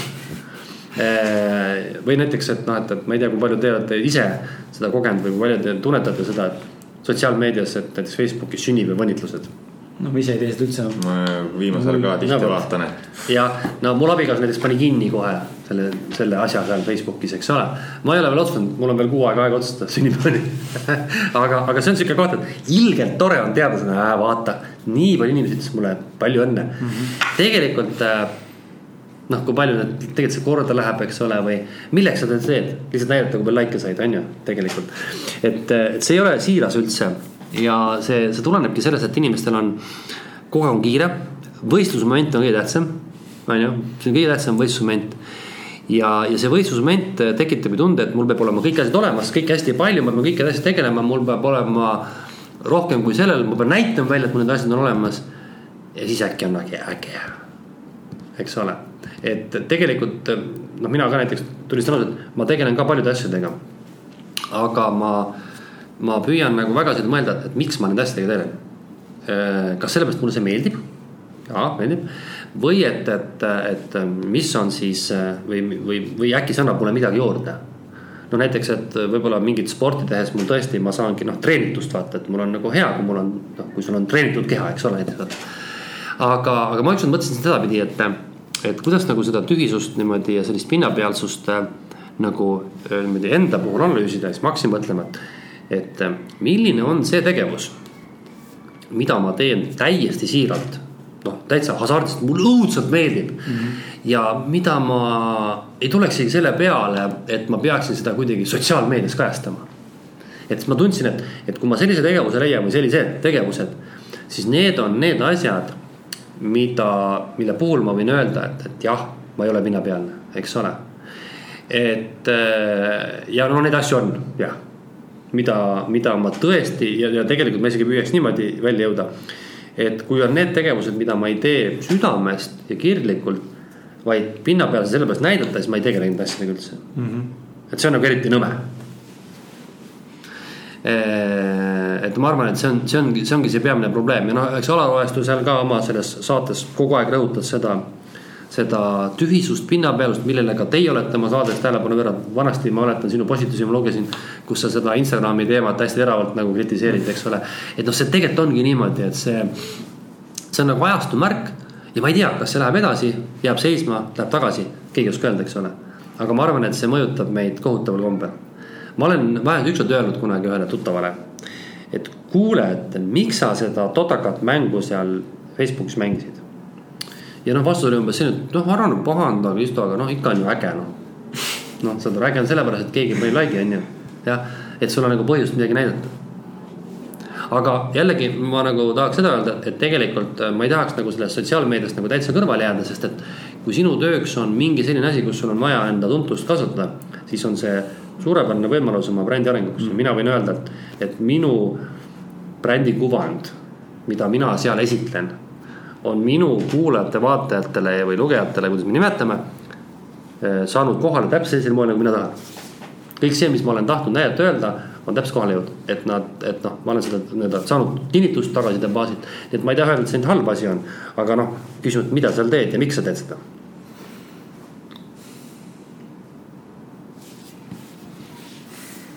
kuidas olla igapäevaselt iseenda parem versioon? siia paneks võib-olla oma mõtte juurde, mis mul tegelikult tekkis, ma korra tekkis vaikus, ma unustasin ära, aga tahtsin küsida, et kuidas olla iseenda, igapäevaselt iseenda parem versioon ja nüüd on see küsimus, et kuna elutempo on nii kõrge, meil on sada miljonit asja, mis me oleme enne võtnud, kas siis alateadlikult, tahtlikult, kogemata või ühiskondliku survel mm. -hmm. kuidas selle kõigega toime tulla? kuidas seda fookust hoida, millest sa mulle hommikul siin rääkisid, kui me tulime, täna päeval tulime, sa rääkisid, et sul on nüüd läinud see valik kitsamaks fookusesse mm. -hmm kuidas hoida seda fookust ja mis on need äh, igapäevased iseenda tegemised, kuidas sina saaksid olla iseenda parem versioon? noh, vaata, siin on niimoodi, et eks äh, mingi aja oma elust äh,, kui sa, kui sa oled teadlikult äh, pühendunud iseenda elu paremaks muutmisele, iseenda arengule. sul on mingid oma mingid kriteeriumid, mille sa hindad, kas sa elad õnnelikku elu või mitte siis tegelikult ilmselt sa pead katsetama elu jooksul, sa tegelikult ei tea ju, mis asjad sulle meeldivad, mis sul hästi välja kukub ja on väga palju asju ka, mis aja jooksul kogu aeg muutuvad, eks ole, noh näiteks ütleme, et noh, mina võin öelda, et, et, et on muutunud, mis asi, noh näiteks muusikavalik on muutunud, eks ole. võib-olla mingid, äh, ma ei tea, mingid veel mingid asjad on muutunud, et raamatuvalik näiteks võib-olla, noh, ma ei tea, midagi veel, et äh, Mm, et ühest poolt on see, see paremaks minaks ja enda parima versiooni saavutamine äh, paratamatult ajaline töö, sest kui sa ei ole proovinud, siis sa tegelikult ei tea, kas see, mida sa täna teed, on see parim variant, eks ole. mina olen, ma arvan, õnnelik inimene, sellepärast et ma usun, et ma olen üsna ammu juba teada saanud, et äh, mis asi mul hästi välja kukub ja mis mind õnnelikuks teeb ehk siis see on see, ma olen väga sageli seda välja rääkinud ja ma usun sellesse ja välja öelnud et kõige hullem, saab olla, on see, et kui inimene on nii-öelda surivoodil ja ta tegelikult ei saanudki elus teada, mis tal hästi välja kukub. milles ta oleks õnnelik, edukas. mina olen selle teada saanud ka läbi otsimiste ja katsetamiste. Ja kusjuures see ei ole üldse kõige, kõige nagu tulutoovam tegevus. seesama koolitamine ja õpetamine, see ei ole kindlasti kõige prestiižsem tegevus maailmas, kuigi ma arvan, et ka mitte kõige hullem, eks ole. et äh, aga, aga ma tean, et mul kukuks hästi välja, mulle meeldib seda teha ja ma olen enda jaoks selle, selle loonud aga ma olen selle käigus teinud palju katsetusi ja töötanud väga erinevates kohtades. ma olen tahtnud olla kunagi juht, olen olnud juht, olen töötanud, proovinud ja hoolimata sellest, et mulle tundus ja noh, võib-olla kohati tundub isegi praegu mingitel halvematel hetkedel, et juhtimine ongi prestiižne ja äge, siis tegelikult ei meeldi see mulle enam. see noh, ma võib-olla satun kunagi juhiks ja pole probleemi, ma juhin küll. aga see pole eesmärk omaette, eks ole mm. -hmm. mõnele meeldib näiteks olla arst ravida inimest, eks ole igalühel omad rollid, tähtis on, et ta selle üles leiab. Eh, selleks aga pead sa vaeva nägema, kui sa seda vaeva ei näe, siis sa tegelikult ei pruugi teada saada, kas see, mis sa teed, on sulle õnnelik, eks ole. nüüd teine asi on see, et, et, et jällegi see, mis me alguses rääkisime, et, et enda paremaks saamisel sa peaksid eh, enda jaoks mõtestama, mis on see edu sinule et mis sulle tagab sellise tegevuse, et sa oled õnnelik. ja mina olen siis enda jaoks nagu leidnud selle tasakaalu ka juba teemadest, mis me rääkisime et asjad, mida ma teen siiralt enda pärast ja asjad, mida ma teen sellepärast, kellelegi meeldib. et äh, kas sa näiteks ostad uue auto sellepärast, et äh, see on äge teiste silmis või sellepärast, et sul on A seda vaja või et, et sul on, sa tõesti fännad seda autot. kas sa lähed reisima kuskile sellepärast, et, et seal teised käivad, see on äge, prestiižne või sellepärast, et see sulle tõesti meeldib eks ole. Neid asju, neid küsimusi on hästi palju võimalik esitada. ja ma olen teinud oma elus viimase aasta jooksul nii mõnegi väga suure stopi. selles kohas, kus ma ütlesin endale, et stopp. Ma ei tee seda asja praegu, sest ma tunnetan, et ma ei tee seda enda pärast, ma teeksin seda millegi välise prestiiži nimel. ja ma ei tunne ennast tegelikult mõnusasti, ma hakkan seda otsust kahetsema see on, see on töö kogu aeg, aga see tähendab seda, et mingisugune selline elu, edumudel tuleb endale luua. noh, targad inimesed on öelnud alati, et tuleb hoida kooskõlas äh, oma sisemine pool ja oma väline pool. Ehk siis noh, hing ja vaim ja keha, mina ütlen niimoodi, et, et noh, ideaalne oleks see, et kui sul on nagu füüsiline pool on sul korras, sa tunned ennast kehas hästi ja sa oled ka tark inimene, et sa oled mingis valdkonna võtnud, mida sa huvitab. ja tarkus ei tähenda alati seda, et sa pead kõiges hästi teadma, vaid et inimesed võivad olla mingis valdkonnas ääretult edukad, mulle meeldivad sellised inimesed, kes on A kirglikult mingit asja teevad, ükskõik, nad võivad olla kirglikud liblikapüüdjad. aga kui ma saan aru, et nad teevad kirglikult seda asja, siis mulle see meeldib. Ja teiseks, et äh, inimesed äh, on äh, mingi valdkonna enda jaoks nagu teinud nagu selgeks. Nad on selles valdkonnas targad, võib-olla mingit teist valdkonda mitte teades. et mulle meeldivad just inimesed, kes ja, ükskõik millega tegelevad. Pole tähtis, tähtis on see, et ma näen, et see neid huvitab see on nende kirg, nad pühenduvad sellele, mulle ei pruugi see valdkond absoluutselt meeldida, ma isegi ei ole proovinud selle, seda katsetada. aga ma saan aru, et nad on fännid sel alal. Ja, ja vot noh, aga noh, see, see on ka nagu see nii-öelda enda, enda paremaks muutmisel, nii et, et tegelikult see tarkus, mis omandad ja see füüsiline pool. mõni tahab suuri muskleid kasutada, mõni tahab just vastupidi treenida südant ja joosta pikki maid. vahet ei ole, tähtis on, et su keha ja vaim oleks nagu tasakaalus, et mõlemat ei tohi nagu või kumbagi ei tohi nagu unarusse jätta. et ähm, ja, ja noh, ideaalis äh, mina näiteks ise teen nii, et ma püüan hoida nagu tasakaalus just nimelt selle füüsilise poole vaimse poole, ehk ma tõesti harin ennast iga päev ja, ja, ja, ja kogu aeg ja. ja mitte sellepärast, et, et seda näidata, vaid mulle tõesti pakubki huvi, ma tõesti ma tõesti huvitun, mul on, mul on mingid asjad, mis mind nii väga huvitavad, need huvid noh, käivadki nii, et ühel hetkel ma tõstan ühe hunniku raamatu kõrvale, võtan teise, aga siiamaani pole veel otsa saanud. Äh, ja, ja loomulikult no eks ole, siis need kaks asja kokku panna, pluss siis see, et, et ma annan aru, et ma olen nagu see munki, et ilusad asjad on toredad, mulle meeldib, mul on väga suur elamine, ma tegelen väga palju oma kodu investeerimisega. Mulle meeldib osta, ma ei tea, kalleid asju, brände, käia reisimas, süüa häid toitu, ma ei hoia ühest kesest tagasi. et äh, ma ei näe, et see kuidagi patt oleks, et, et minu jaoks on sihuke nagu kolmikliit, et, et ma keegi tuleb nii-öelda, keegi vaatab minu välist elust ja saab aru, et okei okay,, täitsa nii. kui keegi vaatab äh, minu füüsist, vaatab, pole hullu ja, ja samamoodi kui mu suu lahti on, siis ma ei aja lolli juttu mm. -hmm. ja see on hästi teadlik tegevus, see ongi nagu teatud mõttes oma nagu brändi kujundamine, aga, aga kui keegi inimene näiteks otsustab, et tema elab metsas, habet ei aja ja juuksed ei lõika ja, ja sõidab hobuse ringi, aga teeb seda nagu sellepärast, et ta on õnnelik, siis jumala eest, las ta olla. kõige nõmedamad inimesed, kellel ei ole mitte mingisugust pointi elus. lihtsalt kulgevad. jah, need on kõige õnnetumad inimesed raudselt. ja neid kulgejaid on meeletult palju. ehk siis äh, mina ütleks niimoodi, et, et oma elu mõte tuleb leida. kui, kui tegelikult viimane just see sama Munga raamat Julia Mantli sõnul oligi see, et, et ma ka olen otsinud nagu seda oma seda mingit, mingit elu mõtet. siis noh, sõnum on see, et ja ma võtsingi selle endale aluseks, et ma ei hakka mingit elu mõtet üldse otsima, vaid ma elan oma parimat elu ja see mõte tuleb ise minuni mm. -hmm. et vahel inimesed tundub, et võib-olla liiga palju püüavad nagu otsida midagi. Pole vaja nii palju otsida või vahel inimesed ei, ei proovi üldse. ei julge proovida ja siis nad ütlevad, nad ei tea, mida nad tahavad, aga nad ei proovigi mitte midagi. õige, see on tegelikult seesama asi, et, et, et inimesed ähm, ei tegele teadlikult enese avastamisega, et mis neil oleks välja, aga see, et õige, kui sa ei proovi, siis sa ei saagi teada. Nad ei proovi sellepärast, et kardavad ebaõnnestuda, on ju, mhm. jah mis omakorda tuleneb sellest, et sul on häbi ühiskonna ees, mis teine sult arvab, et sa oled ebaõnnestunud tegelikult. ebaõnnestumine on tihtipeale ju väga suur kogemus tegelikult. on, see on ainuke kogemus, mis meid üldse õpetab, arendab, jah sihuke abstraktne küsimus, et kui sa saaksid aega tagasi kerida ükskõik millisesse eluetappi, kuhu sa läheksid ja miks? Mm,? ma olen, ma mõtlesin selle küsimuse peale nagu pikalt, et kas ma leian mingi parema aja ja parema koha, aga ma ei leidnud seda, kui see on, oli aeg. vaata, ma olen, kui ma olin koolis, käisin keskkoolis, siis ma mingil tol hetkel juhuse tahtel ja tol hetkel ka siis teatud mõttes sellise noh, nagu noh, ajastu sunnil, et sa pead mingisuguse alaga tegelema, mingi hobiga tegelema ma hakkasin tegelema spordiga, ma olin äh, murdusuutaja ja, ja sellega kaasas käisid muud kestvusalad nagu ütleme, keskmaa jooks ja nii edasi. ma arvan, et ma olin üsna andekas mingil tasandil ja ma jätsin selle asja katki kõige paremal momendil. ja nüüd vot seesama, et kuhu ma keriks tagasi, ma keriks tagasi sellesse aega, et päris huvitav oleks nagu teada, kui kaugele oleks jõudnud mm. -hmm. oma valitud spordialal et äh, mul oli piisavalt andekust ja noh, ma ei tea, kas ma oleks olnud maailma parim, aga võib-olla oleks ma käinud ka ära näiteks, ma ei tea, maailmameistrivõistluste olümpial võituda. sest sport on minu jaoks üks kõige emotsionaalsemaid väljendusviise. ehe võidurõõm on väga suur rõõm. ja see ei ole isegi mitte nagu see, et ma teisele ära panin, vaid ma ise olin tol hetkel parim, vaata, eks ole. et, et ma olen alati mõelnud, et, et, et, et mul jäi proovimata see.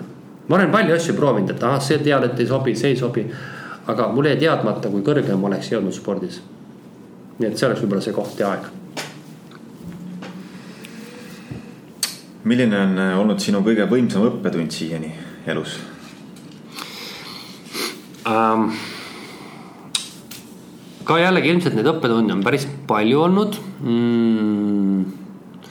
aga kui rääkida nüüd ühest konkreetsest, siis see oli päris huvitav õppetund, nimelt äh, üheksakümnendate aastate alguses ma lõpetades keskkooli Läksin siis pärast mõningast proovimist äh, ülikooli ja õppisin seal füüsikat. ja see oli sihuke, minu jaoks üheksakümnendate aasta on üks kõige hullemaid aastaid, see on sihuke täiesti hull crazy kümnend oli, see oli nagu selline, kus head üldse inimesed ellu jäid, sest et see oli kauboikapitalism ja, ja noh, see oli nagu, see oli nagu meeletu mingi aeg, kus tehti crazy tegusid ja minu jaoks oli see siis minu küpsemise aeg, eks ole. ja midagi ei ole öelda, meie väline elu mõjutab meid nii hullusti, kui sa ei tegele seda teadlikult ja mind mõjutas ka, ehk siis äh, ma nägin, et õppimine on mõttetu, vaid vaja oli pappi teenida. vaja oli hoopiski nagu äri teha või, või tööle minna. Äh, ma muutusin üsna pinnapealseks, äh, ma jõudsin välja üheksakümnendate aasta lõpus sellisesse kohta, kus ma olin väga suure ettevõtte. Baltikumi reklaamidirektor või isegi või reklaamijuht mul oli väga fancy'd ametiautod, telefonid, värgid, särgid, palgad, kõik, ma olin ilgelt šefmees, aga ma ei teadnud mitte midagi sellest asjast. ja ühel mingil momendil tuli minule uus juht, kes sisuliselt lasi mind lahti. sest äh, ma olin sihuke jonnakas ka, ma oleks tahtnud ise hoopis tema asemel saada. ma arvasin, et ma olen ise tark mees ja üldse ta oli kuidagi, noh, ma olin lihtsalt jonnakas ja ma olen tänase päevani iseendale öelnud, et ma ei ole talle seda kunagi öelnud, aga et äh, see oli kõige parem asi, mida sai teha minuga. sest et see oli koht, kust ma hakkasin uuesti õppima mm. -hmm. see oli aasta vist kaks tuhat äkki või, ehk siis ma sain teada, et ma tegelikult ei tea mitte midagi. ja siiamaani oli see lihtsalt olnud üks õnnelike kokkusattumiste rada, kus üheksakümnendate aastate sellises, no ütleme sellises tohutult turbulentses ja kiiresti muutuvas maailmas saidki inimesed väga noorelt väga kõrgele kohale. ma olin kahekümne kuue aastane, ma olin järsku mingi niisugune direktor, et ma tõesti vaatasin, huvitav, kuhu võiks edasi liikuda. ma ei olnud selleks mitte midagi teinud, lihtsalt kuidagi oli juhtunud niimoodi, saad aru. ja see oli koht, mis viis mind tagasi koolipinki, mis pani mulle mõistuse pähe, lõi nagu täiega vastu lauda, et sa ei tea ju mitte midagi sellest asjast. sa pole mitte midagi õppinud, sa ei tea isegi elementaarset asja mitte midagi. ja vot see oli koht jah et ma arvan, et see õppetund oli vägev. et äh, seda oli mul elus väga vaja. no kuidas sa said sinna kohale? lihtsalt juhtus niimoodi kogu aeg, liikusin kogu aeg niimoodi, jälle tundsin inimesi ja mm, -hmm. ja kuna see oli sihuke aeg, kus inimesi oli vähe saadaval ja. ja, ja kõik noored, kes olid vähegi aktiivsed ja, ja näitasid välja mingeid isikuomadusi, said tegelikult kõrgetele kohtadele. ma teadsin kahekümne viie aastaseid pangadirektoreid ja, ja muid tegelasi ja see oligi sihuke aeg, täna on väga-väga keeruline sihukest asja saada, taga saata, aga siis oli see aeg selline, et äh, mul ei olnud küll mingeid tuttavaid ees, aga kuidagi, kuidagi niimoodi läbi mingite selliste soosingute ja sammude ja liikumiste me siis jõudsime jah. väga huvitav jah. noh, Kris, me oleme kakskümmend kuus, kakskümmend seitse. kakskümmend kaheksa saanud järgmine kuu. no see oligi, ma olin siis kahekümne 20 ütleme jah, kuskil ka seitsme-kaheksa aastane, kui ma arvasin juba, et noh, nüüd on ikka väga raske veel kuskile edasi liikuda, sest nüüd peab minema välismaale. aga noh, kõige naljakam oligi see, et ma asjalt ei teadnud mitte midagi, eks ole. vaatan neid küsimusi ja mõned on küsimata, aga tegelikult mõned kattuvad juba sellega, mis sa oled tegelikult vastanud siin mm. -hmm.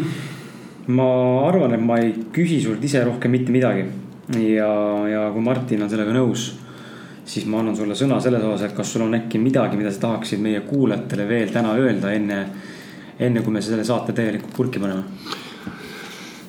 mul jäi ennem nagu nii-öelda viisakusest ütlemata, et, et vaata kui vahva, et teil on kuuekümne üheksa saadet, et, et jumala kihvt, et te mind kutsusite, selles mõttes, et oleks esimene saade, siis on alati sihuke tunne, et tea, kas tuleb midagi välja või ei tule midagi välja. kui on juba nii palju saateid olnud eetris, siis järelikult ja ma tean ka, kes on siin käinud. Siis järelikult on nagu vahva olla selles reas, et see on selline üldine tänu, aga nüüd, kui ma mõtlen selle peale, et, et mis mul nagu kuulajatele öelda oleks, siis noh, selle, me oleme rääkinud täna isiku arengust ja ja isiklikust kasvamisest ja julgusest ja avatusest ja pinnapealsusest ja sügavusest, et äh, palju asju tegelikult elus muutub ja, ja noh, mingil hetkel mulle tundub kohati, et inimesed püüavad liiga kramplikult kinni hoida oma elumudelist. Ehm, et äh, tuleks nagu rohkem lasta minna, sest et sa pead nagu tundma, et, et mis hetkel on õige võtta vastu mingeid otsuseid, näiteks ütleme, mõttes hariduse, et noh, et, et sa ei küsinud küsimust et miks ma nii palju olen õppinud ja mis mul selle hariduse nagu taga on olnud. Ja mul oligi mingil hetkel mingil, noh, sellest on juba tegelikult aastaid pikalt möödas, kus ma nägingi, et ainukene elumudel on omada kõrgharidust. aga minu enda lapsed ja minu enda elu on pannud seda arvamust muutma, ehk siis äh, saab ka täitsa vabalt ilma ja, ja ma olen täna võtnud selle seisukoha, et, et redigeerides oma kujutelma milline peaks olema inimese nii-öelda saatus, tulevik ja tema edumudel. ütlen, et, et hariduse omandamine on kõrghariduse kutse, on lihtsalt üks võimalikke variante. mina valisin sellise tee, aga teie võite valida teise tee ja oma lastele ütleme samamoodi, et nad võivad valida hoopis teise tee. et äh, ma oskan neile soovitada, aga kui ma näen, et, et inimene ei taha või, või siis ma ei hakka peale suruma ja ma ei ütle, et kurat, see tüüp on nüüd ebaõnnestunud, tal pole kõrgharidust, eks ole. Et, et see on üks näide nendest muutustest, mis on, mis ma olen ise elus ette võtnud ja, ja, ja ma ütleks isegi niimoodi, et töö iseendaga äh, on keeruline ja raske ja, ja, ja siin tekibki esimene küsimus, et, et miks me sellega üldse tegeleme, mis annab? Et kas eesmärk paremast minast on seda kõike väärt või kas, kas ma üldse pean teadlikult tegelema iseenda arenguga lasen lihtsalt elul minna. mõnel see õnnestub, mõnel ei pruugi õnnestuda. ehk siis see õnnestumine tähendab seda, et, et ta teebki asju ja tal ei ole mingeid suuri probleeme, aga mõnel inimesel, mis juhtub, on see, et ta füüs läheb käest ära, ta kehakaal läheb käest ära, tal pole palju raha, ta pole õnnelik, ta lahutab oma abielud. no ühesõnaga, need on need probleemid, mis tekivad, mis näitavad, et midagi on mäda mm. -hmm. vaata, eks ole. ja kui sul neid asju on ikka liiga palju, siis on järelikult liiga palju mäda. E, aga, aga, aga inimene võib ka niimoodi elada, et tal kõik sujub ja tal ei ole tegelikult mingit plaani või mingit, mingit kava. mina olen äh, võtnud praegu sellise seisukoha, et ma pean teatud osas enne seda päris palju tööd tegema, aga ma püüan mitte üle pingutada ma püüan nagu mingis osas ikka kõvasti alla lasta, meil kõigil on omad asjad, mida õppida, näiteks kuidas mitte midagi teha. kuidas lihtsalt, ma ei tea, vaadata aknast välja, linnulaulu kuulata, eks ole ju. Kuidas äh, tunda mitte paanikat selle üle, et, et ma praegu ei loegi raamatuid või, või ei tee midagi asjalikku või hoopis mingi E-kategooria filmi telekast, eks ole. Äh, ja, ja, ja mina olen otsustanud, mina töötan endaga. et mulle meeldib see, see, see asi ja mulle meeldib endast luua, nimetame siis brändi et see ei ole mitte see bränd, et kõik peaks teadma seda. aga see on bränd minu enda jaoks ja, ja kellegi teise jaoks ja. Ja noh, ma ikkagi pean nii palju arvestama, et kuna ma pean mingit raha teenima, siis see bränd aitab mul ka tööd teha mm. -hmm et äh, veel kord, kui inimesed, kes kuulavad äh,, mõtlevad, et milleks see kõik, siis see ongi vaba valik, et siin ma ei kohusta mitte kedagi.